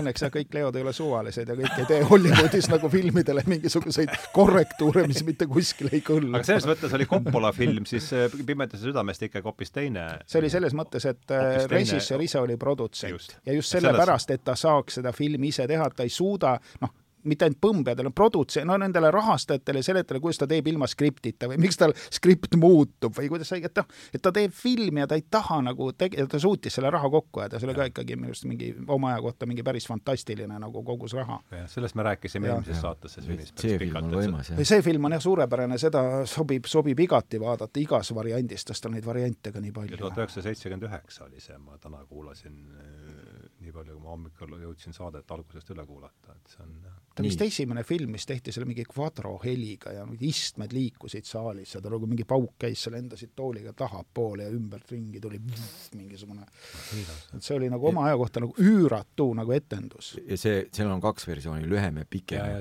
Pik, pikem, pikem on nagu eriti. mul on, mul on need mõlemad, et olen mõlemat vaadanud ka rohkem kui ühe korra jah, see lisadega vari-, variant, see on vist üle kolme tunni või? jah, see on pikk, kolm pool peaaegu vist. kolm pool, jah aa, no see oli noh, see oli ka, seal oli ka raamat, aga no see ikkagi no, väga vabalt on, ümber käidud, aga see lugu oli, loo karkass oli ju ikkagi no ja ta on ikkagi nagu raamatu vaimus või noh, minu meelest see, see see Lord Jimmy asi ikkagi noh, läheb väga ära. noh, ta, ta no, algab, ta algab, ta algab enam-vähem, aga ütleme seal kahest poolest tunnist võib-olla siis noh, ehk tund-poolteist on nagu seda, no mis on nagu okei okay ja niisugune tõesti nagu raamatu järgi. ja edasi on lihtsalt mingi kassa, kassa hiti mingisugune variant noh, ei no huvitav oli nagu ikkagi vaadata, et mis siis, mis no siis jah, nüüd tehtud on, mis siis tehtud on, aga see oli tõesti väga kaugel. no ta läks järjest kaugemale mm. -hmm. aga ega ta nüüd väga teda vaadata ka, noh, mina ei tea, ei, nagu ei soovita ka, aga, aga samas no, kui see ikka suur fänn peab ära vaatama kõik asjad, olgu ükskõik milline savi, kui on ikkagi tõeline Konradi fänn, ta peab kõik ära vaatama, neid filme on veel ma hämmastusega leidsin, et eesti keeles on üks raamat, mida ma ei teadnud, see eh, Duell, noh, ta on novell. kas Duell on eesti keeles olemas? on küll, see on Looduse Universaalbiblioteegis ilmunud. Eesti ajal siis? ja, ja, ja, ja, ja see on minu meelest nii, tundub olevat nii haruldane, et teda isegi raamatukois ei ole müügil olnud. no raamatukoi on see võrgu antikvariaat, kus noh, eh, noh, esiteks kõik, mis on müügil olnud, andmed jäävad üles, et raamatu kaane pilt ja noh, mingid, kes autor, kes toimetaja, kes kirjastus, mis aasta, kõik jääb üles ja see on olemas. no Hardo, sa kirjutad no ta on väike vihik, ega need looduse, looduse universaalbiblioteegid olidki sageli sellised väiksed. ta on minu meelest esimesest, kas on sealt üsna algusest või? No ta on, mina ei oska öelda perioodi, ta on nagu prants-, ta, ta räägib Prantsuse noh, nagu Napoleoni sõdade ajast, kui Napoleon keelas duellid ära, aga kange, kang, kang, kangekaelsed tüübid Eluloost ikkagi jah, otsustasid ikkagi nagu möllama hakata. duell eesti keeles, jah? ja, ja, ja täiesti, mina ei olnud seda nagu, ma lihtsalt vaatasin enne saadet, mis on olemas ja siis ma no on olemas, mis meil on, meil on olemas Pimeduse süda, Lord Jim, Nostromo, salakuulaja. salakuulaja, oota, kas midagi oli? Loomingu raamatukogus üks paks äh, salakuulaja, mis seal veel oli? midagi nagu oli veel. ei oska öelda praegu. noorus on ju ka veel koos selle on koos. noorus on ja, koos pimeduse aga seal Loomingu raamatukogus need paksud suured kaks musta raamatut, üks on Salakuulaja ja teine oli, seal on üks veel, ma ei suuda meenutada praegu, mis ta oli. isegi, isegi vist loetud, kui ma nüüd. oota, ma vaatan kohe, ma täna just tegelesin sellega ma ei ole neid kumbagi, neid musta, ma ei ole neid lugenud. nii äh,, tunnistan. aa, see, aa ei, see, jaa, Narkissuse, Narkissuse neeger. jah, see on Eesti ajal. see on, see on eesti keeles? see on Eesti ajal ja ma ei tea, kas tast on uus trükk tulnud või ei ole? ma ei tea, ma vaatasin, et kolmkümmend kaks ma jäin selle korra, Heart of Darkness on kuuskümmend kolm ja pärast hiljem ka. Lord Simma kolmkümmend üks ja siis nüüd üheksakümmend viis anti välja veel. Nostromo oli üheksakümmend seitse eesti keeles. ja mina ei loe rohkem välja kui seal ma arvan, et see ei ole päris nagu täiuslik list, see ei ole küll nii hirmus tähtis, aga ega ma väga niimoodi aga..., ma vaatasin Esteri kataloogist üle. Hmm.. mis sina oled tast lugenud veel peale, Salakint ei ole lugenud või? jaa, sada, sala- ja rohkem noh, Pimeduse süda, noorus, Jim ja Salakint, et sellega minu lugemus paraku piirdub rohkem ei ole. ma lugesin veel seda Under Western Eyes läbi, see on vist siin inglise keeles siin, kui ma suveldega tegelesin, see oli ka väga muljet. ma inglise keeles ei ole paraku ja. midagi lugenud. aga ütleme ausalt, ma ütlen tema lugemisega, ma olen seda Natsissuse neegrit ka lugenud, ma ei mäleta, milles see lugu oli. oli mingi meremehe raske elu ja tõesti nagu no ütle nüüd, millest see räägib. ma ei mäleta. aga Nostromot oled lugenud või? ei ei ole. no see on kaevanduse lugu, ma vist olen sirvinud, aga ma ei ole nagu äh,, ei ole ja no nende lugudega ongi nii, et kui sa loed neid nagu aegade ole... taha, raamatuid tuleb nii palju peale, et et sa ei mäleta enam. no pimeduse sõda jääb ikkagi meelde. jääb, jääb. pimeduse sõda jääb meelde, jah. see on kompaktsem ja lühem mida? et on kompaktsem ja lühem see Pimeduse süda ja ta on nagu niisugune ikkagi nagu mingi konkreetne lugu, vaata siin on selles Lord Jimis on see lugu ju ära tükeldada. ja, ja nii mitmest ja, perspektiivist. et, et kui ikkagi ja. nagu väga ei süvene, siis lihtsalt ma ei tea, minul on pigem nii, et ma naudin neid häid kohti ja neid häid lauseid ja neid kummalisi tekstilõike, mis nagu, nagu on wow,, kuidas tüüp kirjutab, aga see lugu nagu, nagu jääbki kaduma või selles mõttes, et ta, ta, ta fragmenteerub või mm -hmm. killustub, ta haihtub ära et, et ma ise oleks Konradi asemel teinud selle sellise minategelase loona, kes lihtsalt jutustab, aga noh, siin ongi erinevad vaatepunktid, et ja. see, seeläbi võib-olla noh, oleks see lugu mingis mõttes kannatanud, oleks mingid plussid või miinused tekkinud, aga see oleks noh, teine lugu loomulikult. kuigi ka see, isegi kui see süžee nagu, nagu võtta üks-ühele, et täpselt sellisena teha, et proovida seda teha jah. mina paneks teda teise autoriga kõrvuti, noh, ütleme, et äh, ta on noh, minu arust selles mõttes on see nagu nagu hea, hea variant, kus on sellised abstraktsed või filosoofilised ideed ja selline nagu seikluslik ja eksootiline noh, no niisugune põnevuslugu põhimõtteliselt. et äh, teine selline kirjanik, kes ju hästi-hästi noh, on, on ka palju filme tema järgi tehtud, on see Philip K. Dick, kelle järgi tehtud, noh, Blade Runner oli see tema esimene kuulus film tema raamatu järgi ja nüüd on tehtud sari See mees kõrges lossis ja Minority Report ja neid noh, Total Recall ja neid filme on ju palju ja need enamuses on ka ikkagi päris head mm. -hmm. ja et Tiki järgi on palju tehtud. ja, no, ja, ja Tikil on just seesama asi, et tema ei ole nagu nii, nii postmodernistlik, et tal need storyline'id on ikkagi nagu veidi selgemad no. ja need filosoofilised arutlused jälle samas on võib-olla nagu pikemad no. aga paremates asjades on ta need väga hästi tasakaalus, väga hästi tasakaalus. et mehest kõrges lossis on nüüd tehtud sari, kus on umbes mees kõrges lossis, jah? ja kas on nelikümmend episoodi ilmselt, ma olen vaadanud need kõik, et et mees kõrges lossis on iseenesest nagu huvitav see, mis nad sellest, selle sarjaga on ka nii, et noh, lõpp läheb käest ära, et lihtsalt noh, nagu paljude sarjadega, nagu Troonide mäng on nagu tüüpiline. mitu hooaega teda siis on, mina vist vaatasin neli vist peaks olema. mina vaatasin teist, vaatasin, esimene hooaeg oli minu meelest liiga tikikauge, oli lihtsalt nagu niisugune spioonikas rohkem või selline vastupanu. millest seal üldse jutt käib ah,? no see on alternatiivajalugu, no kuidas öelda, no lugu looks, aga ütleme, et maailm on siis selline, kus, kus natsid on võit-, võitnud teise Aha. maailmasõja, tegevus toimub Ameerikas, Ameerika on jagatud siis äh, jaapanlaste ja ja, ja sakslaste vahel, no nagu, nagu Saksamaa oli jagatud võitjate vahel samamoodi. ja siis seal on üks peategelase mingi noh, ühesõnaga Jaapani rikkad Jaapani turistid ostavad nagu niisuguseid meeneid või no niisugune ajaloolisi artefakte, no mingeid noh, ma ei tea, Ameerika kodusõja aegseid relvi või mingeid selliseid asju ja siis on, kuna see on suur turg, siis võltsitakse meeletult seda jama, et siis need tegelased on see kunsti või selles võltsinguäri tüübid. No, tegelikult seal on need filmid, selles mõttes filmid, mis näitavad, mis on tulnud mingist teisest reaalsusest, ehk siis meie tegelikust reaalsusest, mis näitavad, et tegelikult äh, ei võitnudki Saksamaa ja Jaapan sõda mm, -hmm. vaid hoopis liitlased võitsid. ja et nii Gestapo kui Kempeitai siis uurivad, et kes neid teeb, kust nad tulevad, kust nad satuvad, selle ümber käib see, see nagu noh, see, see, aga see tuleb alles nagu hiljem, et alguses noh, hästi minu arust põhjalikult seda maailma nagu seal selgitatakse, mis seal aga, on aga jah, kui, kui, kui me sellesse nagu süveneme, siis me lihtsalt äh, selle saate praegu matame ära. aga mis, mis ajast see on, see sellist huvitav, huvitav niidiots, mida siin, ma, ma ei olnud sellest, ma olen seda nime kuulnud, ma ei ole kirjutatud kuuekümnendatel. arvata võib, jah, no ta see oli sari on uus. Sari, sari on uus, jah? Eesti keeles on nüüd ka Tikk, see mees kõrges lossis punases sarjas hiljaaegu väljaanne. Mm.. teda on kaks, üks vanem eelmine kümne, kümnend, ma arvan, see viimane, kümnendi lõpp. Ja ta tuli meil äh, mängu sellega, et äh, sa tõid ta üldse sisse sellega, no et, et tal on ka sellised, noh jah, et ta on nagu selline filosoofilised teemad, aga neid on, noh, ei jää nagu arutluseks, vaid on selline väga uhke tegevus ja kõik selline asi.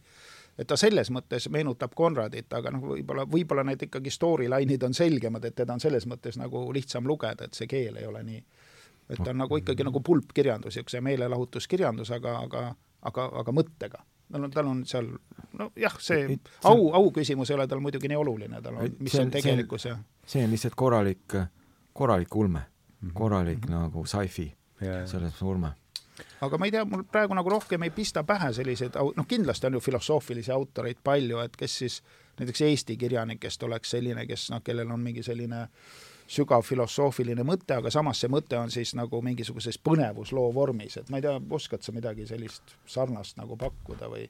kohe ka ei turgata jah, et minu meelest, minu arust eriti ei ole, et on selliseid küll nagu romaani mõõtu esseesid nagu Lennart Meri Hõbe valge või no on ju põhimõtteliselt essee romaan või või Lintropi Muiste, üks, üks Eesti-aegne romaan, mis ongi selline täiesti minu arust väga huvitav teos ja jäänud nagu kõrvale, aga seal see tegevus ja kõik on noh, nagu niisugune vähe, vähe on seda tegevust, seal on kakskümmend lehekülge, võib-olla vahepeal mingit matusekõnet või no, või, või ausamba avamist. kui tõmmata üldse mingi paralleel Eesti kirjanduse ja niisuguse merekirjandusega, siis võib-olla Sergo Vihavald, seal ei ole muidugi fil-, filosoofiat, seal on rohkem tegevust, aga see on, see on ka selles mõttes ka selline ootamatute keerdkäikudega nagu tegevus ja noh mis oli raamatu pealkiri? Vihavald. no Sergot ma olen lugenud, aga mis see oli, mis ta oli, see Sergo romaanidest rannarootslastest, mis selle nimi oli, seda ma lugesin kunagi lapsena. tal on neid ju paras poisu, aga ma ei, ma ei tea, minu lapsepõlvel väga Vihavald ja. meeldis, aga ma ei olegi teda väga meeldis, palju jah. rohkem ma äh, lugesin ka lapsepõlves, see, see, mul on jäänud sellist, ma jäin korraks mõtlema, et kellel üldse mingit sarnasust võiks, võiks selle nagu Konradi ja Lord Jimiga olla, siis noh, Eesti kirjanduses no, selliseid sarnaseid elemente on, näiteks äh, Andres Saalil on ju üks raamat, mis, kus tegevus toimub ka mingi Andres Saal? Jaa, ta noh, see, see ei ole nii väga põnevusraamat, aga ta ise oli mingi Briti koloniaalametnik kuskil, ma ei tea, Jaaval näiteks või kuskil sellises kohas. see kant, kus ju see toimub, romandi, romandi no kuskil seal, ja temal on üks, üks raamat kirjutatud sellest, mingi Budakuju on kaane peal, ma ei suuda praegu seda isegi raamatu pealkiri ei tule meelde, temast kordustrükki ei ole, ta on ainult nagu Andres Saal, seda nime ma pole enda isegi no ta on ju niisugune noh, Aita Leili Vambola sellised ajaloolised romaanid, võib-olla sul on loetud filmi, filmiga seoses. ta on niisugune väga vana, vana põlvkonna niisugune enam-vähem tsaariaegne autor, kirjutas ajaloolisi isamaalisi romaane aga, aga siis noh, tal on selline väga kummaline jah, raamat. ma kunagi üli, üli, üliõpilase põlves nagu lugesin teda, et ma isegi ei tulnud nüüd saadet ette valmistades meelde, et praegu tuli meelde, et meil on selline oma koloniaalautor ka olemas. ei ole lugenud täiesti huvitav raamat. nime olid kuulnud või? Saal, jah, nime olen kuulnud, autori nime olen kuulnud. aga ta on tuntud jah, ikka selline ajaloolise romaani autor, et neid on, neid noh, niisugune vanamoelised ajaloolised romaanid. aga noh, Aitast ja Leelist poleks mul olnud väga palju kasu. et ma neid ei ole lugenud, tunnistan ka, aga ma olen kuulnud neid, neid selles mõttes pealkirju või nimesid ka. aga mis te tõlkest arvate? vot siis saaks arvata, kui oleks viitsinud inglise keeles lugeda, aga ei ole ju, ei ole inglise keeles lugenud no minu meelest ei ole ju midagi nii väga halba, Tammsaarel on ju ikkagi korralik kirjanik ja korraliku keelega, et ta, ta ei häiri, kindlasti see tõlge, ta ei tundu väga-väga vanamoeline ega selline ajast arust, et noh, mõned raamatud ju on, et see tõlge jääb ajale jalgu, et tuleks nagu ümber kirjutada, aga minu arust ta ei, ta ei mõju arhailiselt kuidagi, täiesti ajatu, noh, enam-vähem nagu Tammsaare isegi, et et ega Tammsaare ju leheloodki, ma arvan, neid on muidugi noh, tänapäevaks veidi toimetatud, kui nad on ju nad üheksakümne viiendal aastal, kui nad selle välja andsid, käisid võib-olla ka võib-olla käisid, aga kui palju nad viitsisid, no ja. minul on ju see Eesti-aegne, mina olen seda, lugesin nüüd seda kolmekümne esimese aasta väljaannet ja mina, mina küll ei nurise, jah, need mingid merendusterminid ja asjad, aga ma ei saaks ka aru, kui need kaasaegsed oleksid, ma arvan, et mis, kui oleks sinna pandud nüüd mingisugune ingliskeelne ametniku nimi või mingi tänapäevane. saab nendest aru küll, ei ma ei ka siin seletatakse lahti, mis see vesisell siis lõppude lõpuks ju on, kuidas ta seal neid kliente, noh, kliente toob nagu laevavarustusfirmadele vesisellil, vesisellil pole elu, eluilmas vaja sooritada mingit eksamit, kuid tal peab olema hakkamist ja ta peab suutma seda tõestada tegelikult. ta on ju müügiagent põhimõtteliselt ja, ja. ja kes peab seda klienti hoidma, kuna see protsess ja. on pikk, kui laeva varustatakse, ta peab seal noh, head juttu tegema ja noh, nagu seda klienti kinni hoidma ja tal nagu esimesena pardale saama teiste vesisellide ees, et see ka mul oli üks, ähm, üks koht, ma, ma tean täpselt, äh, kus ma, see otsus tuli, see üheksas hooaeg selles, selle kursusesarjal, mis ma siin teen, olulised raamatud, et pühendada Lord Jimile, et see on, see on just siis, kui ta läheb äh, Steini juurde. ja need sõnad ütlebki Stein ja ta hea meelega äh, arutaks, arutaks nende üle ka ja seda just, ta, ta kuidagi puges mulle inglis, ma loen selle küll eesti mhm. keeles mm, -hmm. aga ta puges mul selles ingliskeelses äh, sõnastuses kuidagi naha alla, mida tõenäoliselt võib-olla see lõik ei olekski teinud, aga aga lõik ise on järgi, et jah, see hirmus asi on väga kentsakas. inimene, kes selleks sündinud, langeb unistusse, nagu teine inimene langeb merre. kui ta katsub välja õhku ronida, nagu teevad vilumatud, siis upub ta, nicht vaar ei, mina ütlen teile, purustavaile loodusjõududele, purustavaile loodusjõududele tuleb alla heita ja oma käsi ning jalgu pingutades tuleb sügavat-sügavat merd sundida end peale kandma. nõnda on lugu, kui küsite minult, kuis olla, ütleb siis Stein, kui, kui Marlo läheb Jimile seda varjupaika sinna Patusaani otsima, et kuidas kuivõrd minu jaoks oli see lõik, mis äh, tõmbas, ma olen seda korra varem lugenud, seda raamatut, see tõmbas sinna uuesti, et mis, mis mõtted või tun-, tunded või pilte see lõiguke teis äh, äratab?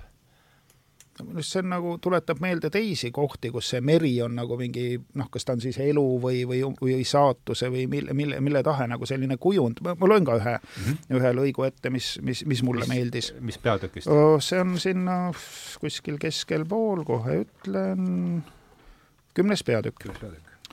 usaldage paati ulgumerel, usaldage paati ulgumerel mm. küllap juba tema toob ilmsiks kogu mõistuse vastasuse, mis hiilgab iga mõtte, tundmuse, ärrituse ja meeleliigutuse põhjas mm. -hmm. usaldage paati ulgumerel. jah, ja siis, siis tuleb kogu see absurd nagu välja, mis on iga mõtte ja meeleliigutuse kõige põhjus, et ma, see, see on jälle üks koht, mis jäi minule nagu nagu kõrva kumisema. jah, vot täpselt kõrva kumisema, jah. et kus, ja kus, täitsa sugulas on olemas nende kahe jah, et kus, kus ta jälle võtab sellise noh, niisuguse väga abstraktse teema, noh, kogu selle elu absurdsus või irratsionaalsus, aga noh, toob siis selle paadi sinna, noh, alustab sellega, et kus ta paneb jälle kokku sellise reaalse objekti ja siis abstraktsed mõisted. ja see abstraktne mõiste on tal ka veel selline noh, võib-olla mitte päri, päris tavaline.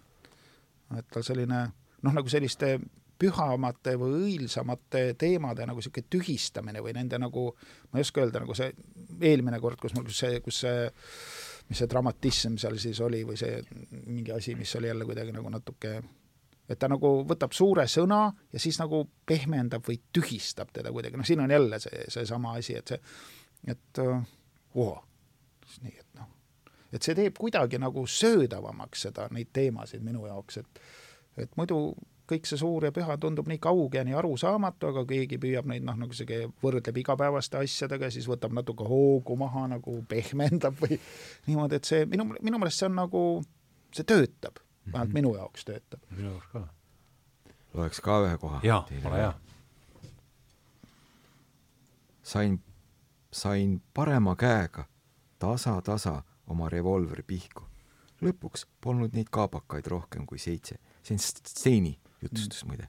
ah, see on Steini jutustus, jah? kohe nad kargasid rohu seest üles ja pistsid jooksu, sarongid üll, viibutades odasid pea kohal ja karjudes üksteisele, hobune tulevat kinni püüda, sest mina olevat surnud. lasksid nad nii ligi, nagu see uks siin ja siis põmm, põmm, põmm, iga kord pihta. veel andsin paugu ühele selja tagant järele, kuid see ei tabanud, liiga kaugel juba. ja siis istusin üksi oma hobusel maa puhtana ja naeratavana mu ees, kolme mehe laibad minu ümber. üks oli kõverasse tõmbunud nagu koer, teine lamas selili, käsi silmil, nagu kaitseks päikese vastu. kolmas mees tõmbas pikkamisi oma jala, jala kõverasse ja lõi ta siis järsku sirgeks. ma silmitsesin teda sadulast hoolega, kuid ei midagi. Bleib ganz ruhig jäi täiesti rahulikuks eesti keeles, ei liigutanud enam. ja kui mina talle näkku vahtisin, otsides sealt veel elumärki, heljus üle tema otsaesise kerge vari, selle liblika vari. vaadake tema tiibade vormi, sellised lendavad kõrgele ja kärgmesti. tõstsin silmad ja nägin teda eemale laperdavat, mõtlesin, on see võimalik? ja siis kaotasin ta silmist. tulin sadulast maha ja hakkasin pikkamisi edasi minema, viies hobust ratsmeid pidi, revolver käes, laskevalmis, silmad pahemal ja paremal, all ja ülal, igal pool. lõpuks nägin liblikat kümne jala kaugusel väikesel mustuse hunnikul. süda hakkas mul kohe kärmemalt lööma. laskin hobuse vabaks, hoidsin revolvrit ühe käes ja teisega võtsin oma pehme kübara peast samm paigal, veel samm, patsti käes kui tõusin üles, värisesin erutusest nagu haavaleht ja kaevasin need ilusad tiivad ja tegin kindlaks, milline haruldane täiuslik eksemplar mul peos on, hakkas mul pea ringi käima ja minu jalad muutusid meeleliigutusest nii nõrgaks, et pidin istuma maha.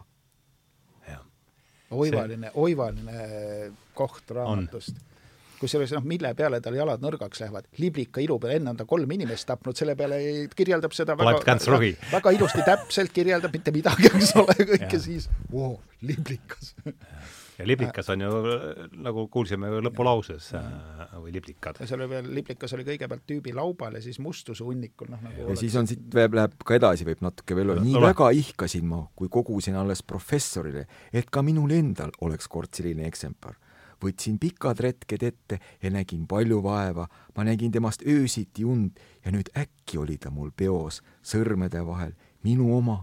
ja siis ta tsiteerib siin laulikut saksakeelse sellise salmiga, et ma seda, et, et sellest Steini tundeid, et kuidas ta sai selle unistuste liblika kätte seal. peaaegu veel oli seal saksakeelses tekstis, et noh, oled nagu minu oma, peaaegu minu oma või seal oli mingi väike kahtluse vari oli ka vist, kas ei ole seal saksa ah,, kuidas see sõnastus? So halt ist endlich den in meinen Händen ja. und nenne es in gewissen Sinne mein. In gewissen Sinne, jah. Nõnda siis hoian teda jah, lõpuks oma käes ja nimetan teda teatud mõttes omaks. mitte omaks, vaid jälle teatud mõttes no,, see on pea, tüüpiline see Konradi, et ta võtab jälle natuke seda hoogu maha või natuke kahtluse varju või mingi asja sinna juurde. väga ilus. ja on ja kusjuures hämmastav on ikka see, et ta, kui ta läheb seitsmekümne kaheksandal aastal, paneb jala esimest korda Inglismaa pinnal maas, ta ei räägi ju sõnagi inglise keelt, väidab ta ise, ise vähemasti. Kuskil kolmekümnendates õppis ta keele selgeks või, või ta oli, ta oli seitsekümmend kahe, ta oli ka seitsmekümne kaheksandal aastal oli ta kahekümne, no kolmandas elukümnes ja mhm. kahekümne ühe aastaselt jõuab ta, tuleb ta Inglismaa maha ja ütleb, et ei, sisuliselt ei rääkinud üldse keelt. Prantsuse keeles oli ta enne mhm. seda juba, rääkis soravalt nii et see on ikka siis purjelaevad olid prantsuskeelsed ja aurulaevad ingliskeelsed? ei, seal oli niimoodi, et ta et prantslase, Prantsuse laevadelt nõuti Vene konsuli lubade või mingit siis mm -hmm. allkirja ja Briti laevadelt ei nõutud. ja ta ei saanud lihtsalt mm, -hmm. noh, ta oli ju Vene, Vene riigi alam sel ajal veel. ja ta kirjutab siin ühele Hugh Walpole, sina tead ju võib-olla, Hugh Walpole on üks Briti tean sellist autorit, aga kui raamatut küsid, ma ei oska küll jaa, aga see ei olegi tähtis, et Walpole'ile ta kirjutab, et et kui ta, kui ma ei oleks osanud inglise keelt, siis ma ei oleks kirjanikuna kirjutanud mitte ühtegi rida, et see on see on väga huvitav minu arvates, et noh, siis kolmandas keel, et jah, et kui ma ei oleks osanud inglise keelt, ma ei oleks, minust ei oleks kirjanikku saanud, ütleb ta teiste sõnadega. nii et see saatesõnas ju, minu arust see on Tammsaare saatesõnas, kus ta, kus Tammsaare ütleb, et tema lemmikkirjanikud olid Turgenev ja kes see prantslane oli? ahah uh,. et uh, Flaubert. Flaubert, Flaubert, et keda ta ja. kogu aeg nagu uuesti ja uuesti üle luges ja kellest ta nagu vaimustuses mm -hmm. oli, mhm. et ja samas jälle Dostojevskit ta nagu üldse ei sallinud. ei, sa kannatad üldse et see on nagu kummaline, et Dostojevski on ju ka nagu niisugune mingi piirialade ja mingi, et noh, seal, ma ei tea, kas Tammsaare või, või oli see kuskil mujal, et ta nagu, et äh, Dostojevski siis ikkagi nagu noh, nagu hindas inimest, aga, aga et Konrad nagu kahtles inimeses. Ma ei oska nagu sellest, noh, selle raamatu järgi küll on nagu palju kahtlusi, kahtlusi tekib. et ühelt poolt on küll ju väga noh, niisugune korralik inimene ja peaaegu ideaalne, aga vaata, käitub jälle nagu ta käitub ja ja samas käitub siis jälle teistmoodi ja ja noh, paljud asjad nagu see enesetapujuhtum seal, mis jäävadki nagu arusaamatuks ja ja noh, see irratsionaalsuse element, mis siin selles Ulgumere paadi noh, tsitaadis oli, et ega see noh, inimelu nagu selline et inimene ei ole mõistuslik olend, ega seda, seda ju omistatakse Tolstoile, noh näiteks Anna Karenina näitel, et noh, lihtsalt inimene käitub, teeb midagi ja mitte mingit põhjust ei ole, no ei saa aru, noh ongi selline imelik, noh arusaamatu tegelane. ja mitte ainult see tädi, vaid noh, üldse nagu inimene ongi selline et selles mõttes nojah, kui, kui kui Dostojevski arvas teisiti, ikkagi arvas, et noh, mingisugune kristlus ja ja, ja Jumal ikkagi on nagu tähtsad asjad, noh, tal olid need enda kogemused ka mahalaskmisega sellised, et ta nagu ärkas seal mingile teisele elule. et võib-olla siis Konradil jälle sellist kogemust täpselt ei olnud.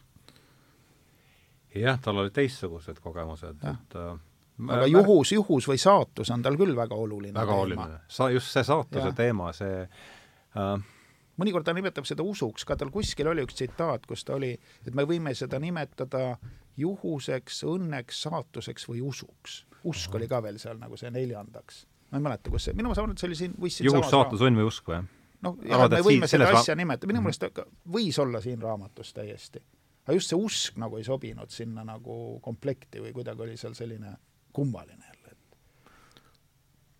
usk saatusesse võib-olla selles mõttes, et või, või siis saatuse ettemääratusse, et mm, -hmm. et, et, et seda nagu paistab siit, siit, siit raamatust, et no aga et minu arust see oli nagu, nagu see oleks pidanud olema nagu sünonüümid, noh, et kas see on usk või tähendab, et kas see on juhus või saatus, neid võib nagu noh, nagu panna, aga see usk nagu minu meelest ei ole sama tähendusega kui, kui, kui saatus või juhus aga temal oli see ühes komplektis no. ja oli seal nagu viimane seal. no, kuidagi... no siin on ka keel võib-olla, et ja, nojah, võib-olla veel mingi kõrvaltähendus. Fate mille... ja Destiny ja, käivad seal no, Fate oli see, aga pff, ma ei tea, jah uh,. jah et ja, tundus see... jälle tema moodi nagu selline, et nagu ei sobi, et hakkab, hakkab nagu minema ja siis läheb nagu jälle natuke metsa see tema loetelu ja siis jääb jälle nagu mõtlema, miks, miks ta sellega tahtis öelda, et et seda ta nagu, seda ta teeb hästi või noh, ta oskab sind nagu mõtlema panna või, või, või noh, lau-, lauset nagu niimoodi põrnitsema panna mm.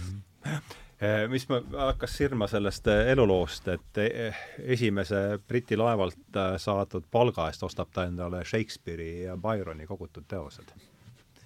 lisaks sellele, et eriti just, kui me sedasama lõik, mis ma siin ette lugesin, kui seda inglise keeles klassikud. jah, klassikud ja et see kuidagi see Shakes-, minus äratas ta, eks mul kuidagi on see õõgunud seal tuha all juba mõnda aega, ma ei, teate, pole põhimõtteliselt ostis luuleraamatuid ja,. jah, jah.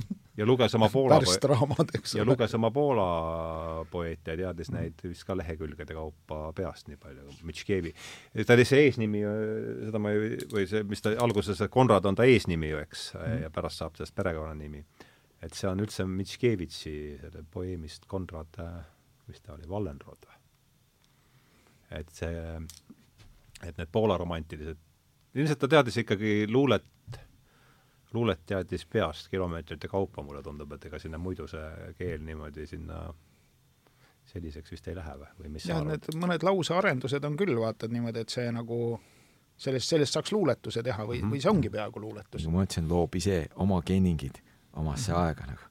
mis, mis sõna see on, mis sa kasutad? Kenning on see. Kenning? jaa, see on äh, skaldi Aha. luule või skaldi kirjanduse nagu selline võrdlus, mis ongi selline natuke kiiksuga võrdlus no võib, võib ka tuua need äh, zen-budistide koaanid, mis on sellised mm. noh, kõige tuntum on see ühe käe plaks või no mingi selline absurdne, absurdne või, või vastuoluline niisugune lause, mis siis noh, millega üritatakse inimest vaimsele virgumisele ärgitada Mm -hmm. see on võib-olla täpsem kui, kui, kui Kenning. no aga Kenning mõjub meile, ma usun, samamoodi kui Guan, sest me ei saa tast nagu täpselt ja, aru ja siis noh, ta jääd seda põrnitsema ja mõtlema ja vaatama, mis seeringas see nüüd see oli siin. ei, see, sul on hea, hea, hea nagu, kuidas sa kirjeldasid seda raamatut, mõnd-, mõnda kohta täpselt, noh, lugesin küll vahepeal nagu õhtul ja öösel, siis vaatan, oota, mis lause see nüüd või mis lõik see nüüd on, loen veel uuesti, et hmm, see on väga huvitav et, et mis siin siis nagu tahetakse öelda lõpuks? on küll jah, mit-, mitmeid kohti oli selliseid, kus pidi ikka mitu ja see on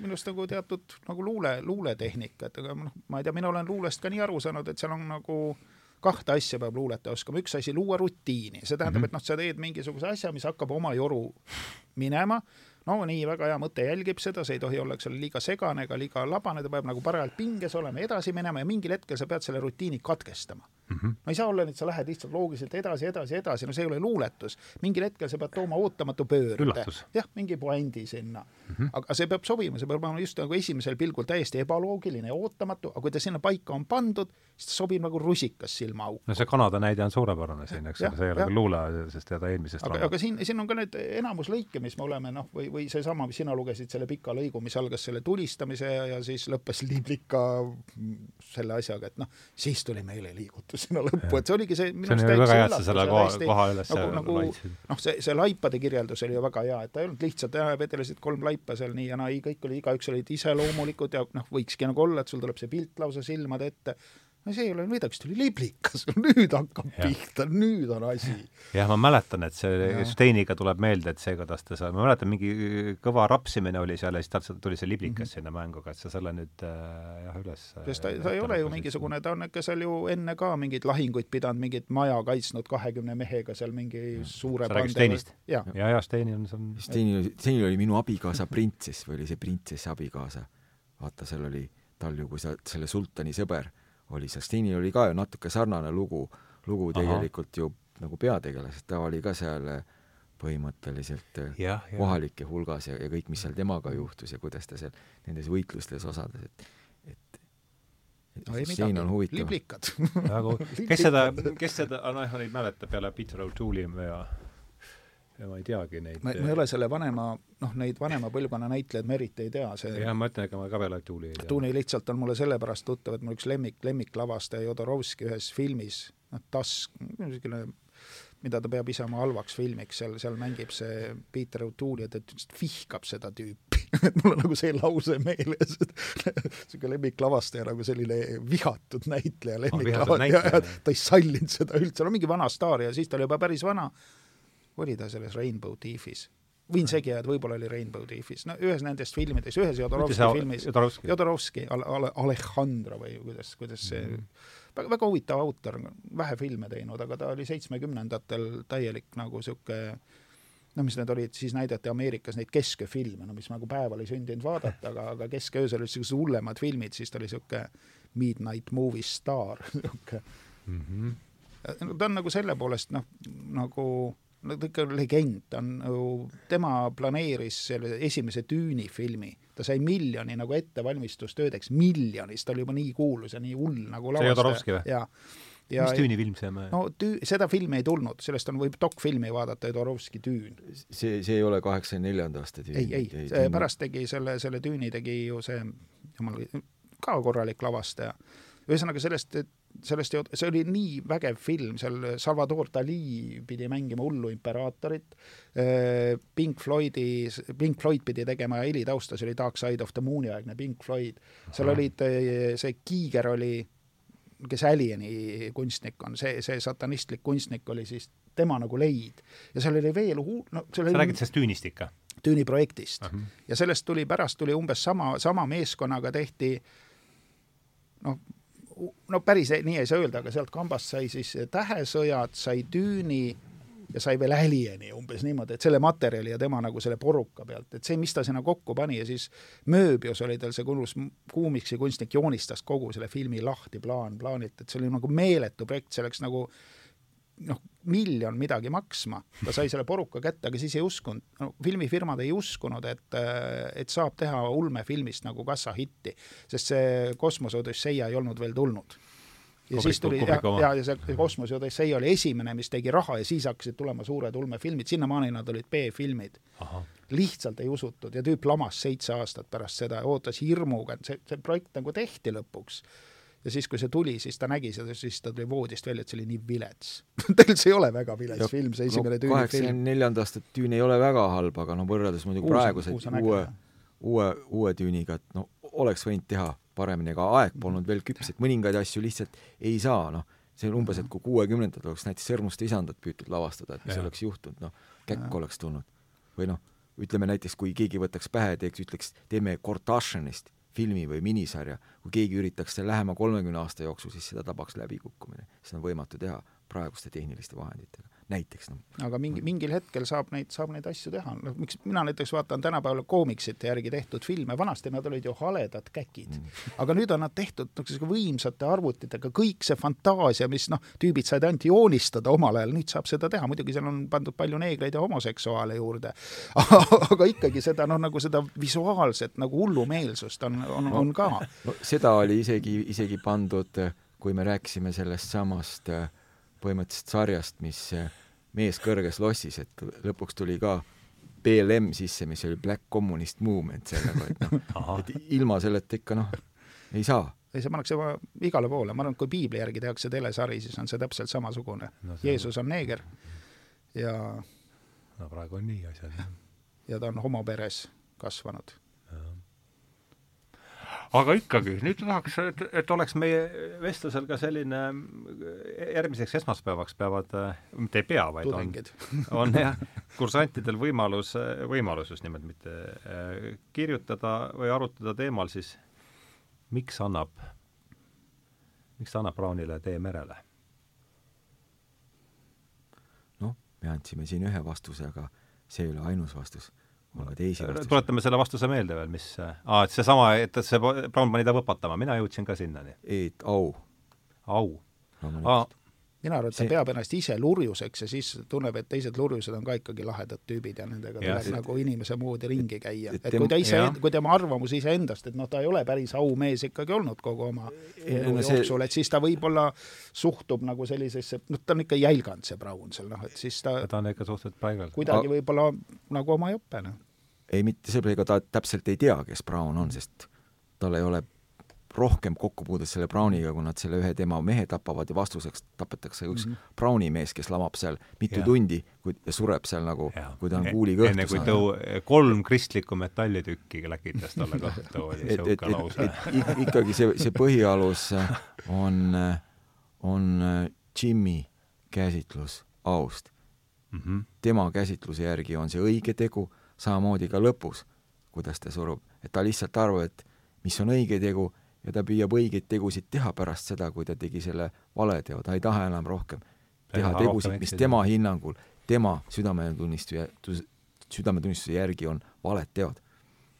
see, see, see võti, noh, ma arvan, et on siin, aga see on üks võti, see on see võti, mida mina näen, et mm -hmm. et mhm. loomulikult, kui kirjanik teeb, kirjutab ühe teose, siis see ei ole enam tema kontrolli all, ehk siis lugejad, iga lugeja paneb selle mingisse oma konteksti ja loob selle, ma püüdsin luua seda nagu konteksti siin, aga nagu ma ütlesin, see on üks paljudest võimalikest kontekstidest. aga õige kirjandus ongi see, mida saab tõlgendada nii või teist ja kolmandat moodi ja mida aeg edasi, seda jälle, jälle omades oludes, noh praegu saab lugeda ükskõik millise sõja kontekstis seda, sest mingi sõjaelement seal on ja ja üldse sellise tänase ühiskonna autuse kontekstis, kus noh, au mõiste on ju väga, väga, väga kõrvaline asi. ma, ma ei, ma ei tea üldse, kas näiteks keegi kuskil noh, ERR-is ütles kunagi sõna au või millal see viimati oli, mis sajandil see võis olla, see sõna kosta seal ega saatus ei ole ka väga sagedasti kostuv sõna oma päevauudistes, ma pakuks just. ei ole ju aga veel selle saatus mõlemad on siin, ma ütleks au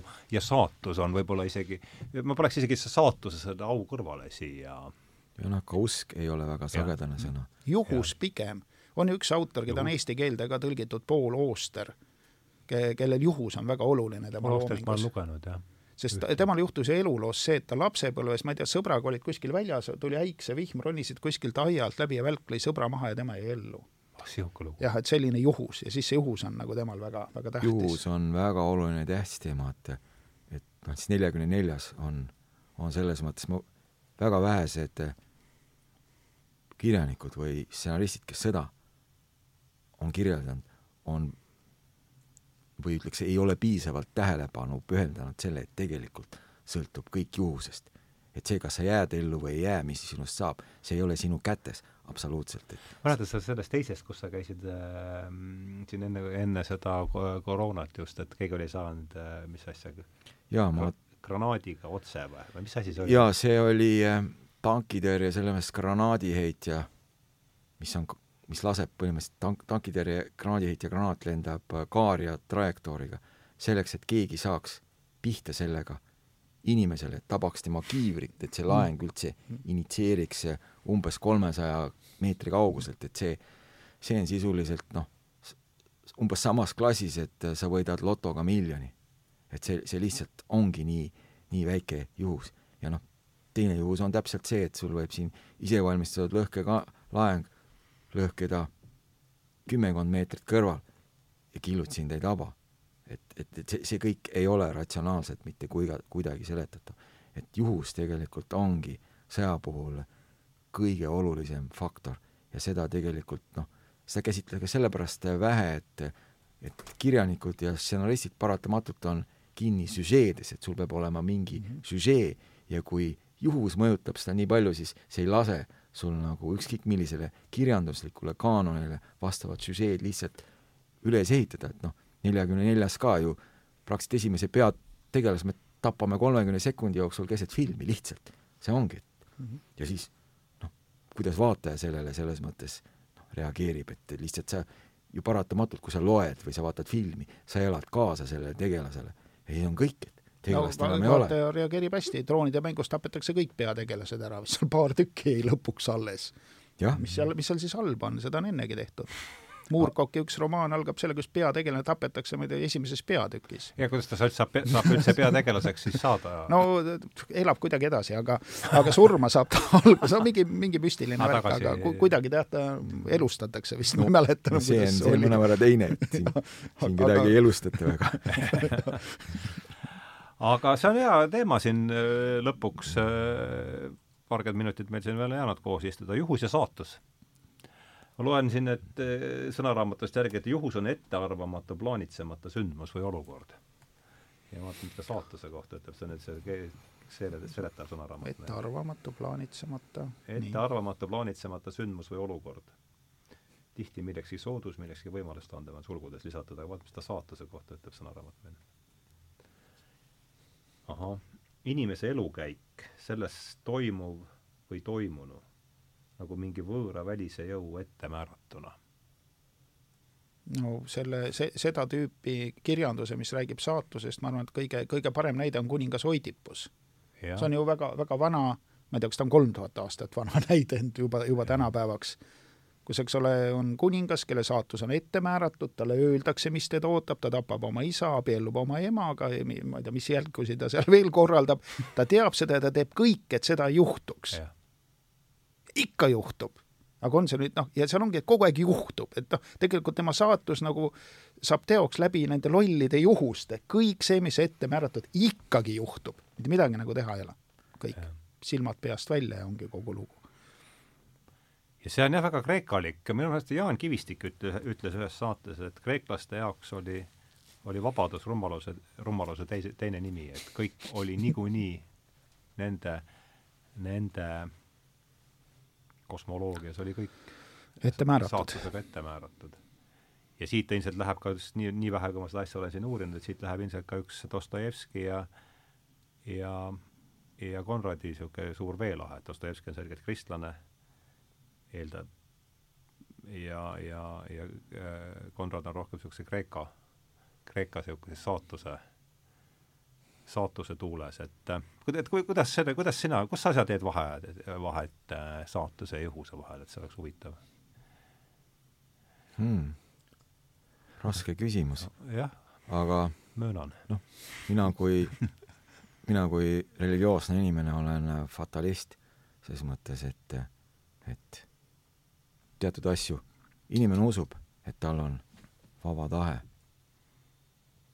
eriti kui ta on noor mm. -hmm aga see tahe kulgeb teatud piirini ja on asju, mida teatud inimesed mingil põhjusel lihtsalt ei saa teha. et, et see ei ole lihtsalt võimalik. ja see tegelikult on äh, osalt äh, ratsionaalselt seletamatu. et äh, ma ei oskagi öelda, et mida see lause. Sulle või teistele vaatajatele nüüd täpselt ütles. jah, aga midagi ikka. aga, aga ma püüdsin kõik... nagu väljendada lihtsalt seda, mida ma nagu saatuse ja juhuse suhtes tunnen, mitte mm -hmm. nagu mida ma ratsionaalse nagu mõistusega püüan nagu mõelda, et et see on just noh, eriti nagu rasked olukorrad ja ja sõda ja kõik sellised, et, et, et siis sa saad nendest äh, asjadest tõeliselt aru, et, et see ei ole, ei ole sinu kätes, et, et ma olen noh, kõik need asjad, mis ma olen läbinud, et tegelikult ratsionaalse tõenäosusteooria järgi ma ei peaks siin istuma ja ma ei peaks siin vestlema, sest ma peaksin olema surnud. lihtsalt, noh, see ei ole võimalik. aga see ei ole juhtunud. ma ei ole isegi kordagi tõsiselt haavata saanud. see, see ei ole seletamatu, noh, see ei ole ratsionaalselt seletatav, lihtsalt. ja, ja ma ei püüagi seda seletada, sest seda ei ole võimalik teha. järelikult oli vaja, oli vaja, et sa praegu siin istuksid ja muid asju teeksid. muidu ei oleks ellu jäänud või see on ju esimene, kui selle peale natukenegi mm. mõelda, siis see on esimene ju järeldus, mis tuleb äh,, tuleb pähe, eks on isegi see nende teemade mm. -hmm. ma ei tea, võib-olla ma oleks pidanud ka lennukiga teistmoodi alla kukkuma kuidagi, ma ei oska öelda. kes teab? Jah, mul on meeles see Richard Tarnase Õhtumaa mõtteloo või vaimu või mis see on, passioonist, et kreek-, ta selgitab kreeklaste seda arusaamist, et isegi Zeus, nende peajumal, ei saanud Moirade vastu, kes olid siis nende saatuse äh, jumalannad, et äh. aga siin tekib muidugi ületamatu probleem siin, et kui kõik on ette määratud, kui kõik on, ütleme, on niisugune lihtsustatud Kreeka mudel, et et kõik on ette määratud ja mis mõte on siis, mis mõte on siis palvetamisel, kuidas te seda ju see on ette määratud siin ongi huvitav, et, et tegelikult see on nagu dualistlik teatud mõttes, et, et sul on vaba tahe teatud piirini. et kui see läheb nii-öelda kokku. see on nagu kaubamaja, saad osta Jumala. seda, mis, mis müügil on. nii palju on sul vaba tahet. ja nii palju, kui sul raha on siis sa saad seda teha ja kui mingil põhjusel see ei lähe kokku, mis on ka seletama, siis sa ei saa seda teha. et, et üks asi ongi, et kas sa juhid ise või sa ei juhi, aga seda momenti ja neid äh, olukordi ei määra sa ise. et võib-olla see on natuke keeruline selgitus, aga ma püüdsin jällegi selgitada mitte seda, mida ma ratsionaalselt mõtlen, vaid seda ma lihtsalt, mida ma tunnen, et kuidas see noh, võiks olla oma kogemuste põhjal. ma kardan, et see seletus võis olla natuke keeruline ja vastuoluline, no eks aga... igalühel, igaüks võtab selle oma, paigutab selle oma süsteemi, eks nii minagi, ma ei tea, sina mina oma. võin tuua eksperimentaalse näite saatuse, saatuse kohta. võtame luuletajad, on ju täiesti vaba kirjutama ükskõik mida, eks ole. saad aru, see on ainult fantaasia, paber ja pliiats ja sind ei takista mingi asi. ja kui sa võtad siis selle, mida inimesed kirjutavad, on see peaaegu kõigil ühesugune mõttetu plära saad aru, see on ette määratud, seal ei ole mitte mingit muud seletust, kui inimene oleks vaba, siis ta kirjutaks midagi lahedat, aga kui ta ei ole, siis ta kirjutab seda jama, mis on ette nähtud, vabatahtlikult, mõistusega ja loogika, sellist õudusi, käkke kokku kirjutada, nagu Karoliine Pihelgas näiteks teeb, ei ole võimalik. see on lihtsalt noh, puht, noh, irratsionaalne, see on nii halb, see on nii inimväärikust solvav, keegi seda vabatahtlikult ei tee. see on lihtsalt määratud ja see läheb nii ja ta ei saa sinna mitte midagi teha. ja neid on tuhandeid see on tõeliselt huvitav. võib-olla see on üks põhjus järelikult, miks ma luuletusi ei kirjuta või ma olen ainult kirjutanud mõned luuletused, mis on vajalikud minu tegelastele kuskil raamatus mingis nagu episoodis, et et seda ma olen teinud, aga mitte rohkem, mitte ükski kord rohkem. ei noh, samas on ikka head luuletajad ka olemas, vot see ongi see teine saatus aga, aga, aga, aga üldiselt mõtlengi see, et see on, see on ju täiesti arusaamatu, et sa võiksid ju kirjutada ükskõik mida ja ikka tuleb see üks ja sama data rata, mingisugune riimiline niisugune noh, paaril-kolmel teemal niisugune ette ennustatavate käikudega kõige primitiivsem savi. no tõesti, nagu mingi mängurong paneb oma väikest rõngast mööda, plastmassrööpaid mööda, paneb seal kümme senti või noh, kakskümmend sentimeetrit või nelikümmend sentimeetrit on see ring. kogu tema maailm on seal. no kuidas see saab olla, kuidas saab inimese aju, kus on, ma ei tea, miljardeid rakke, noh, kasutada ainult kahte? ei, Sven, ma pean tõdema, et sinu sarkasm teatud nähtuste suhtes on halastamatu see, see ei ole ju välja mõeldud, ega mina ei ole neid jõledusi välja mõelnud, ma olen raamatukogust laenanud nojah, aga noh, samas jällegi no samas on mingi Paljud... Zbigniew Herbert ka olemas ja, ja Milos, et on olemas geeniusi ja, ja on olemas, eks ole, Alliksaar ja on olemas Talvik, et noh, aga kui sa võtad ikka seda põhimassi no, siis neid, neid ei, saa oleks, olemas olla. kui ei oleks seda, jällegi seda eh, püramiidi all, ma kujutan. ei ole kindel. ma ei oska nii öelda. ma toon hea näite, kuidas algas Soome kirjandusromaan Aleksis Kivi Seitse venda. see on maailmakirjanduses tuntud teos, see on Eestis tuntud teos ja see ongi hea teos aga millega algas Eesti kirjandus, kas keegi oskab öelda, mis romaan oli Eesti esimene romaan, see oli seal kümme aastat sinna-tänna umbes, samal ajal kirjutati enam-vähem ei, sa pead selle ise vastama. see on Jaak Järve Vallimäe neitsi. Jaak Järve ju. mille, millest osa on veel kirjutanud Vilde. noh, Vilde töötas Jaak Järve lehes, ma ei mäleta, mis ajaleht see oli, ja, ja kirjutas osa ja loomulikult ega siis peatoimetaja ei pannud mingisuguse suvalise noore Jorsi nime kaane peale, et nii, nii sai no, siis ma oletan, et kui ma ei ole seda lugenud, et ei, kas ma äh, võin järeldada, et see ei oma suurt tähtsust? See, see, keegi ei ole lugenud ja tõesti ei omagi, mitte mingit tähtsust ei oma. ta on välja antud, tast on üks kordustrükk ja see on kättesaadav raamatukogus, igaüks võib lugeda, see on täiesti mõttetu teos. oota, aga mis aastal see ilmus siis?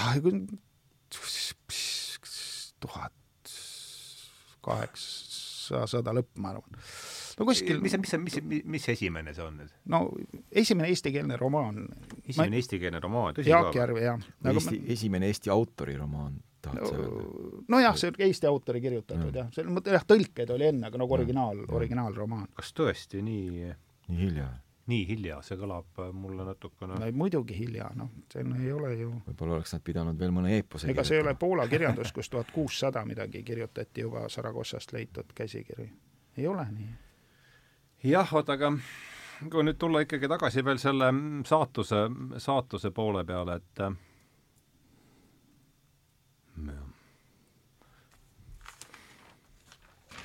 kus tal see on üks lause, mis mulle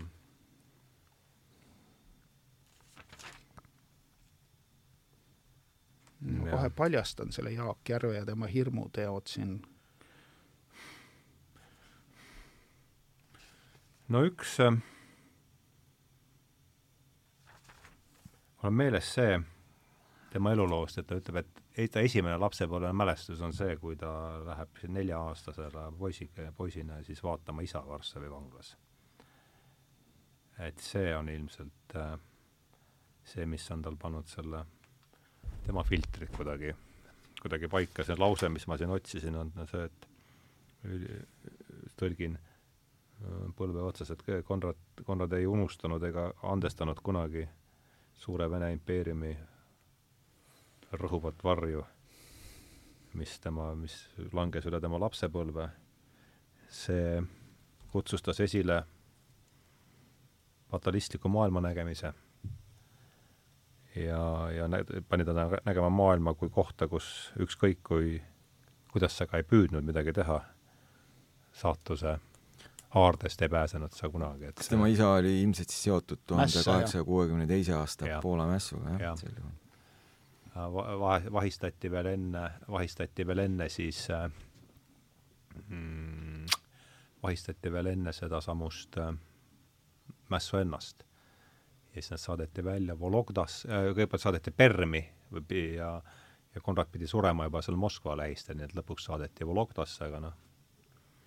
tervis oli halb. jah, nii et tema sureb siis, kui ta on kaheksane ja, ja isa siis, kui ta on üheteistkümne, nii et ta jääb oma onu Tadeusz Bobrovski hoole, hoole alla, kes, kes kummatigi olevat, ma ühest eluloost lugesin, seda ma küll läbi ei lugenud, kes kummatigi olevat Steini mingis määras mingi prototüüp. Hmm.. nii et see on niisugune, et ikkagi see lapsepõlve, lapsepõlve lugu meil selles, selles kõiges ja ja kogu, mina kogu see Poola mina ei usu neid nagu elu, eluloo nagu asju väga, need seal kindlasti on nagu mingi mõju, aga ütleme, kui palju on inimesi, kellel on vanematega halvasti läinud ja kellest ei ole saanud kirjanikku või on saanud halb kirjanik.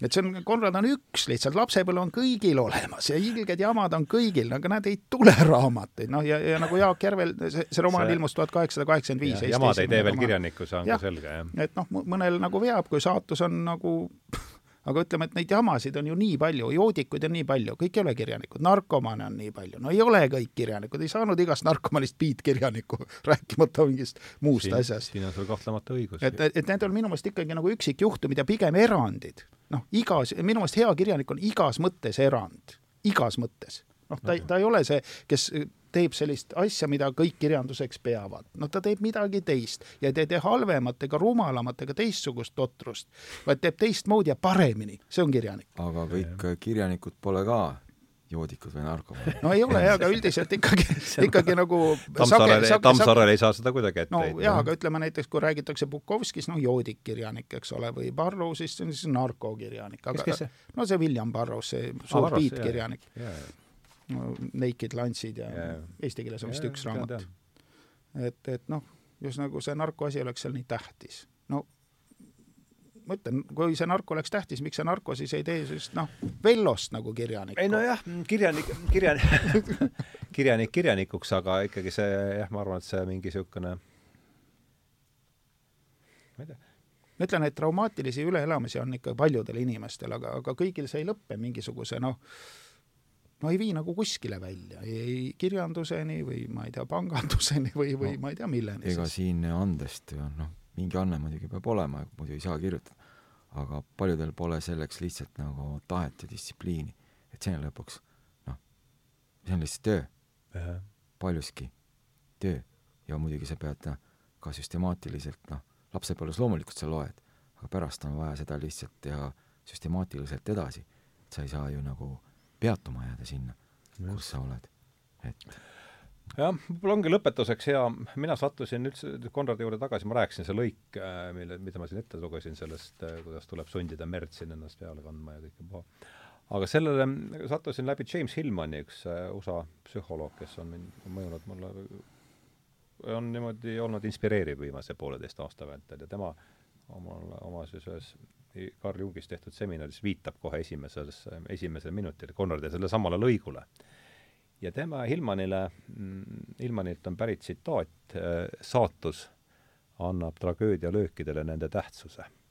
et võib-olla seda mõte, mõtistage, mis, mis siin võib, kuidas te seda lauset, mis te sellest Destiny gives importance to the uh, Destiny gives importance to the blows of tragedy. noh, ongi ilmselt, ega siin lihtne tõlkida. see on nagu suurema pildi mõttes siis või et noh. No mis, ega mina ka ju ka ei tea. Nojah, ma arvan, et see on jälle, et noh, saatus on ju asi või, või selline noh, sõna või, või mõte, millest nagu palju ei räägita, sest inimesed ei mõtle saatusele, no maailmapildis ei ole. järelikult, kui sa kasutad sõna, mida inimesed ei kasuta, siis sinust ei saada aru. Ja, ja see ongi nii ja mina ei saa praegu aru. Noh, ma võin lihtsalt mõelda nii, et noh, et, et, et ta vaatab nagu suuremat pilti või ütleme, et noh, no kui võtta saatus ja juhus, et saatus on maja ja tel- ja juhus on tellis, et see saatuse maja on ehitatud Aha, juhuse saatus, tellistest. no näiteks, on päris et noh, nii, nii saan mina sellest või üritan hmm. seda selgitada aga noh, sinna võib panna siis need tragöödiatellised siis või, või midagi, et need on nagu need väiksemad osad, millest see suurem tervik on kokku pandud. noh, kas seda võib-olla saab kommenteerida selle vanasõna või ütlusega, et teed teo või külvad teo, lõikad iseloomu külvad iseloomu, lõikad saatuse. äkki on siin päris huvitav, külvad teo, lõikad iseloomu või? jah mm. -hmm. külvad iseloomu, lõikad saatuse samas võib-olla saab ka jälle teistpidi. aga no., aga väga huvitav et jah, kas see on nüüd, eks ole, kas kliima soojenemine tuleb sellest, et süsihappegaas või süsihappegaas tuleb sellest, et kliima soojeneb ja, ja ookean lihtsalt siis soojas nagu annab selle süsihappegaasi välja, et noh, see on jälle noh, kuidas pidi seda nagu vaadata. et noh, kumb see põhjus ja tagajärg on, ma tahan nagu sellele, et noh, et see ei ole nagu selge minu jaoks. ja palju mõjutab seda päikese aktiivsus, seda me ju teame põhimõtteliselt pikast nagu maa ajaloost, et üldiselt soojenemised, jahenemised on selges korrelatsioonis päikese aktiivsusega, et seda on nagu teaduslikult küll tõestatud, et aga seda on jälle raske tõestada, et kas, kas saatus viib iseloomuni, viib iseloom saatuseni mm.. nojah, aga see, selles mõttes jällegi lause on ilus ja jääb mm. meelde. kus see, kus see, mis vanasõna see üldse on niisugune, ma ei ole tõesti seda varem kuulnud. ilmselt idamaadest kuskilt ikka, kuskilt on, kuskilt on kõrva jäänud, aga tõesti kõr, kõrva jäänud. sa oled kuulnud seda, jah? jah, aga no. ma ei oska öelda, kus, kus, kus pigem Vana-India veel kuskilt, ma, ma ei oska, see on kindlasti ka selline üks nendest ütlustest, kus, mis on tekkinud äh, paralleelselt eri vormis äh, mitmetes nagu kohtades või kultuurides. see on päris huvitav mõte, et, et külvad iseloomu, lõikad saatuse, et seal noh, sealt võib juba edasi minna igasugustele müütideni ja ja arhetüüpideni ja siit on Et noh, saab teod mõjutavad iseloomu ja kujundavad, iseloom kujundab saatust. Et saatus kujundab iseloomu ja iseloom tegusid. siia see tuleb ringipidi tagasi. kuidas, kuidas, kummalt poolt sa hakkad nagu ajama, et kumb see põhiline aga midagi siis selles on, mis ja, on ilmselged, nagu üks viib teiseni, aga äratas kohe tähelepanu.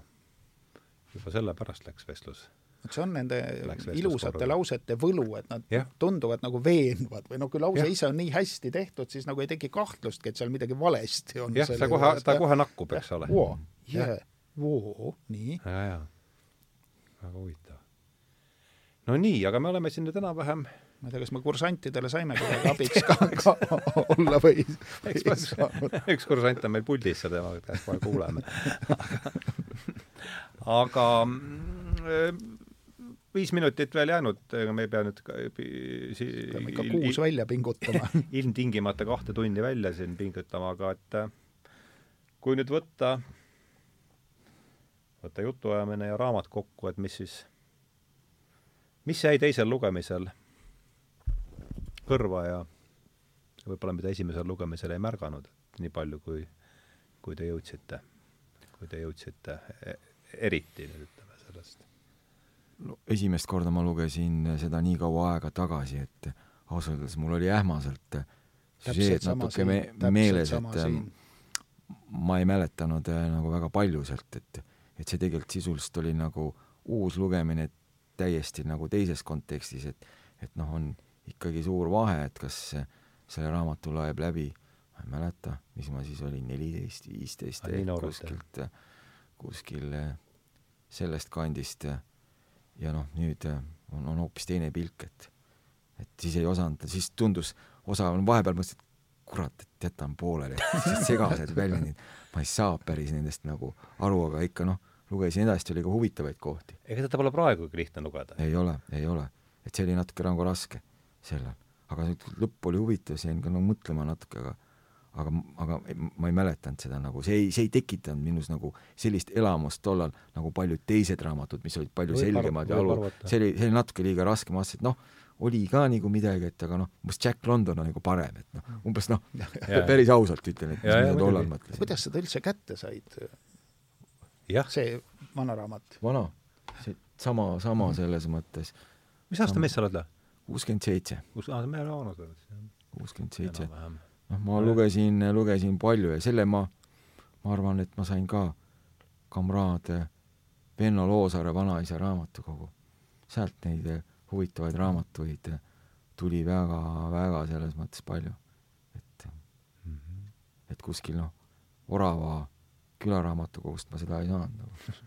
Et ja mina ka ju Rakverest ja ka seal eelmise okupatsiooni ajal ju raamatukogudes seda eestiaegset kirjandust peaaegu ei olnud.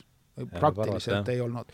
ja ei olnud ka sellist nagu noh, nagu seltskonda, et seal nagu tuttavate või sugulaste hulgas, kellel oleks sellist nagu, raamatuid oli palju, aga sein oli täis või, või nii, aga aga eestiaegseid ei olnud, et mina sattusin lugema ikkagi alles noh, tudengina kuskil, ma ei tea, varastes võib-olla kahekümnendates siis või kuskil seal, kui ma sain Tartusse noh, ülikooli raamatukokku et siis ma üritasin nagu metoodiliselt lugeda igasuguseid noh, nagu tähtsamaid asju ja siis sai vanemaid ja sai väliseesti kirjandust ja, ja, ja mida iganes. et sealt, mhm. sealt läks siis nagu maailm lahti, et muidu ma ikkagi noh, lugesin palju, aga ikkagi enamus oli selline Nõukogude kirjandus. aga nüüd sellel lugemisel, mis mis jäi? no ikkagi see teksti kvaliteet ja. või see, et mitte, et üllatus ei ole see lugu või isegi see filosoofia, vaid ikkagi noh, tema see teksti ülesehitamise need võtted, mida ta kasutab ja ikka see pigem nagu luuleraamatu lugemise elamus. et need paremad kohad on nagu tõesti, või just nagu see, mida Leo luges, see oli nagu nii suurepärane ja. koht, et äh, noh. ma olen täiesti nõus, ta on ikkagi luulera-, jah ja,, ütleme. et, et, et siin on nagu see, kus öeldakse, et noh, nagu nagu hea proosaraamat on nagu luuleraamatuna nagu loetav, et see, see on just nagu no kui Toomas Bernhardi Külm või mõni selline siia kõrvale panna, noh see on eesti keeles olemas, Toomas Bernhardit on nüüd veel ilmunud mõned ja, raamatud. ma ei ole teisi lugenud, ma lugesin see Nõukogude ajal, see mul üks noh, see Külm oli üks mu lemmikraamatuid, see oli noh, seal Olen polegi nagu storyline'i õieti.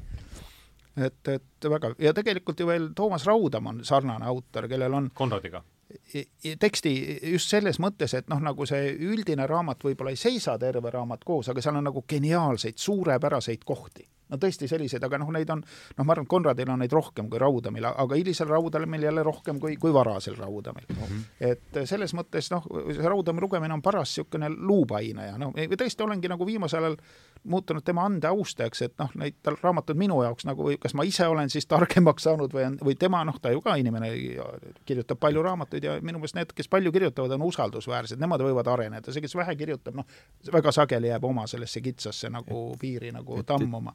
et tead, lugesin seda noh, viimase aasta jooksul, enne kui mind vangi pandi ja noh, siis loomulikult noh, mingid Hemingway'd ja Remargid ja kõik mhm. tundusid nagu palju selgemad ja arusaadavamad, see oli noh oota, millest sa räägid praegu? Kolmest ah,, et, et, et, et ma mäletan, et see tundus nagu, nagu liiga raske, see oli suvel lugesin, mäletan, tegin tööd, töid ka nagu vahepeal, siis ma mõtlesin, et noh, vahepeal, et et, et, et, et natukese liiga keeruline tekst, kas loen, noh, ma juba alustasin, oli nagu noh, et tuli nagu kangekaelselt nagu vedasin lõpuni ja noh, vaatasin, et noh, et just Lord Jimmy, jah? jaa. -hmm et, et noh, et noh, natuke liiga keeruline keel lihtsalt ja, ja, ja, ja raske haarata nagu, nagu selles eas võib-olla ütleks nii. aga nüüd? nüüd, nüüd on hoopis selles mõttes teine, et ma lugesin ju neid kohti, kogu see, kogu see põhi, noh, ega siis ma lugesin, ma ei, ma ei saanud ju sellest aru, et nüüd au mõiste mingi on kõige tähtsam siin, et et see nüüd on selle, see nagu kandev, et, et see on ikkagi teisel korral nagu, nagu leitud ja ka need, need kohad selles mõttes tulid ju nagu, nagu teisel kohal, et oo oh,, et siin on noh, sellised kohad, sellised kohad, et noh, ikka noh, enne kui sa ei ole ise kedagi tapnud, siis sa ei jää nagu aru, kui tähtis koht see on, ütleks siis niiviisi, et noh, sa mõned surid, tegi liblikat, noh, need kulgesid lihtsalt sellel nagu mingis lineaarses järjekorras mm,, et tekst nagu jook-, need, need, ei tekitanud nagu selliseid seosed ega ei saanudki selles mõttes nagu tekitada, kuna, kuna kogu kogu selles mõttes nagu see maailm, kus sa elasid, lihtsalt oli hoopis teine. või see, kuidas sa maailmast aru said, et, et, et ega noh, ei, ei saa ju öelda, et, et noh, ma nüüd saangi viiskümmend viis nüüd, nüüd sügisel, et noh, viieteist, kuueteistaastane ja viiekümne viie aastane nagu mees siis saaks nagu maailmast ühtemoodi aru, et siis, siis oleks üpris kummaline nagu sa oled veel enne kirjutanud ka või vahepeal noh, no nagu minulgi, eks meil samamoodi, et kunagi ammu loetud, minul oli see, et ikkagi noh, kõik see, mis Eesti ajal välja oli antud ja niimoodi kuskil noh, et et see oli nagu niisugune õigem kirjandus kui see Nõukogude oma, mis, mis oligi väga sageli nagu niisugune täielik savi ja niisugune nomenklatuurne sotsrealism. et, et see, juba see aura sundis lugema, et oh, see on Eesti-aegne asi, siis on kuulus autor, no mida nüüd välja ei anta, noh, midagi vist, kas oli Nõukogude ajal teda üldse anti välja või vist minu mitte. vist, vist mitte, vist mitte, minu meelest ka mitte, et ma arvan, et ma saingi kätte ainult selle Narcissuse neegri ja selle ja lugesin neid, aga see oli ikkagi, et noh, kuigi ei lähe hästi edasi, sunnid ennast lugema, et see on see, see on see õige kirjandus. aga samas ma ütlen tõesti, ma ei saanud seda, mis ma praegu sellest saan. sest noh, meil ka, me oleme ise kirjutanud, see kirjut-, kirjaniku kogemus juba noh, sa vaatad nagu teise, teise pilguga teksti, sa ei otsi ainult storyline'i, sa vaatad ikkagi teostust ja neid noh, käsitööoskusi. aga no sa, sa ütlesid hästi, et et siis lihtsalt köitsid ka näiteks, kui ikkagi vana vabariigi aegne mingi raamat kätte sattus, näiteks kas või noh, nimed Marvor tahvlil või siis mm -hmm. ka Saksa okupatsiooni Nõukogude nagu rah-, või tähendab, sellise Eesti rahva kannatuste aasta, mingi neljakümne kolmandast, vaatasid juba, et oo, sel ajal välja antud. Mm, nüüd tuleb teine, seda kindlasti ei, lugeda. täiesti teine selline, suhe, nagu see oli vaatasid, selline raamat, siis tuleb see lugeda. palju neid siis üldse niimoodi mm -hmm. siin ringles, eks? väga vähe. No kuulge, kena, oli, aitäh tulemast, oli, oli huvitav.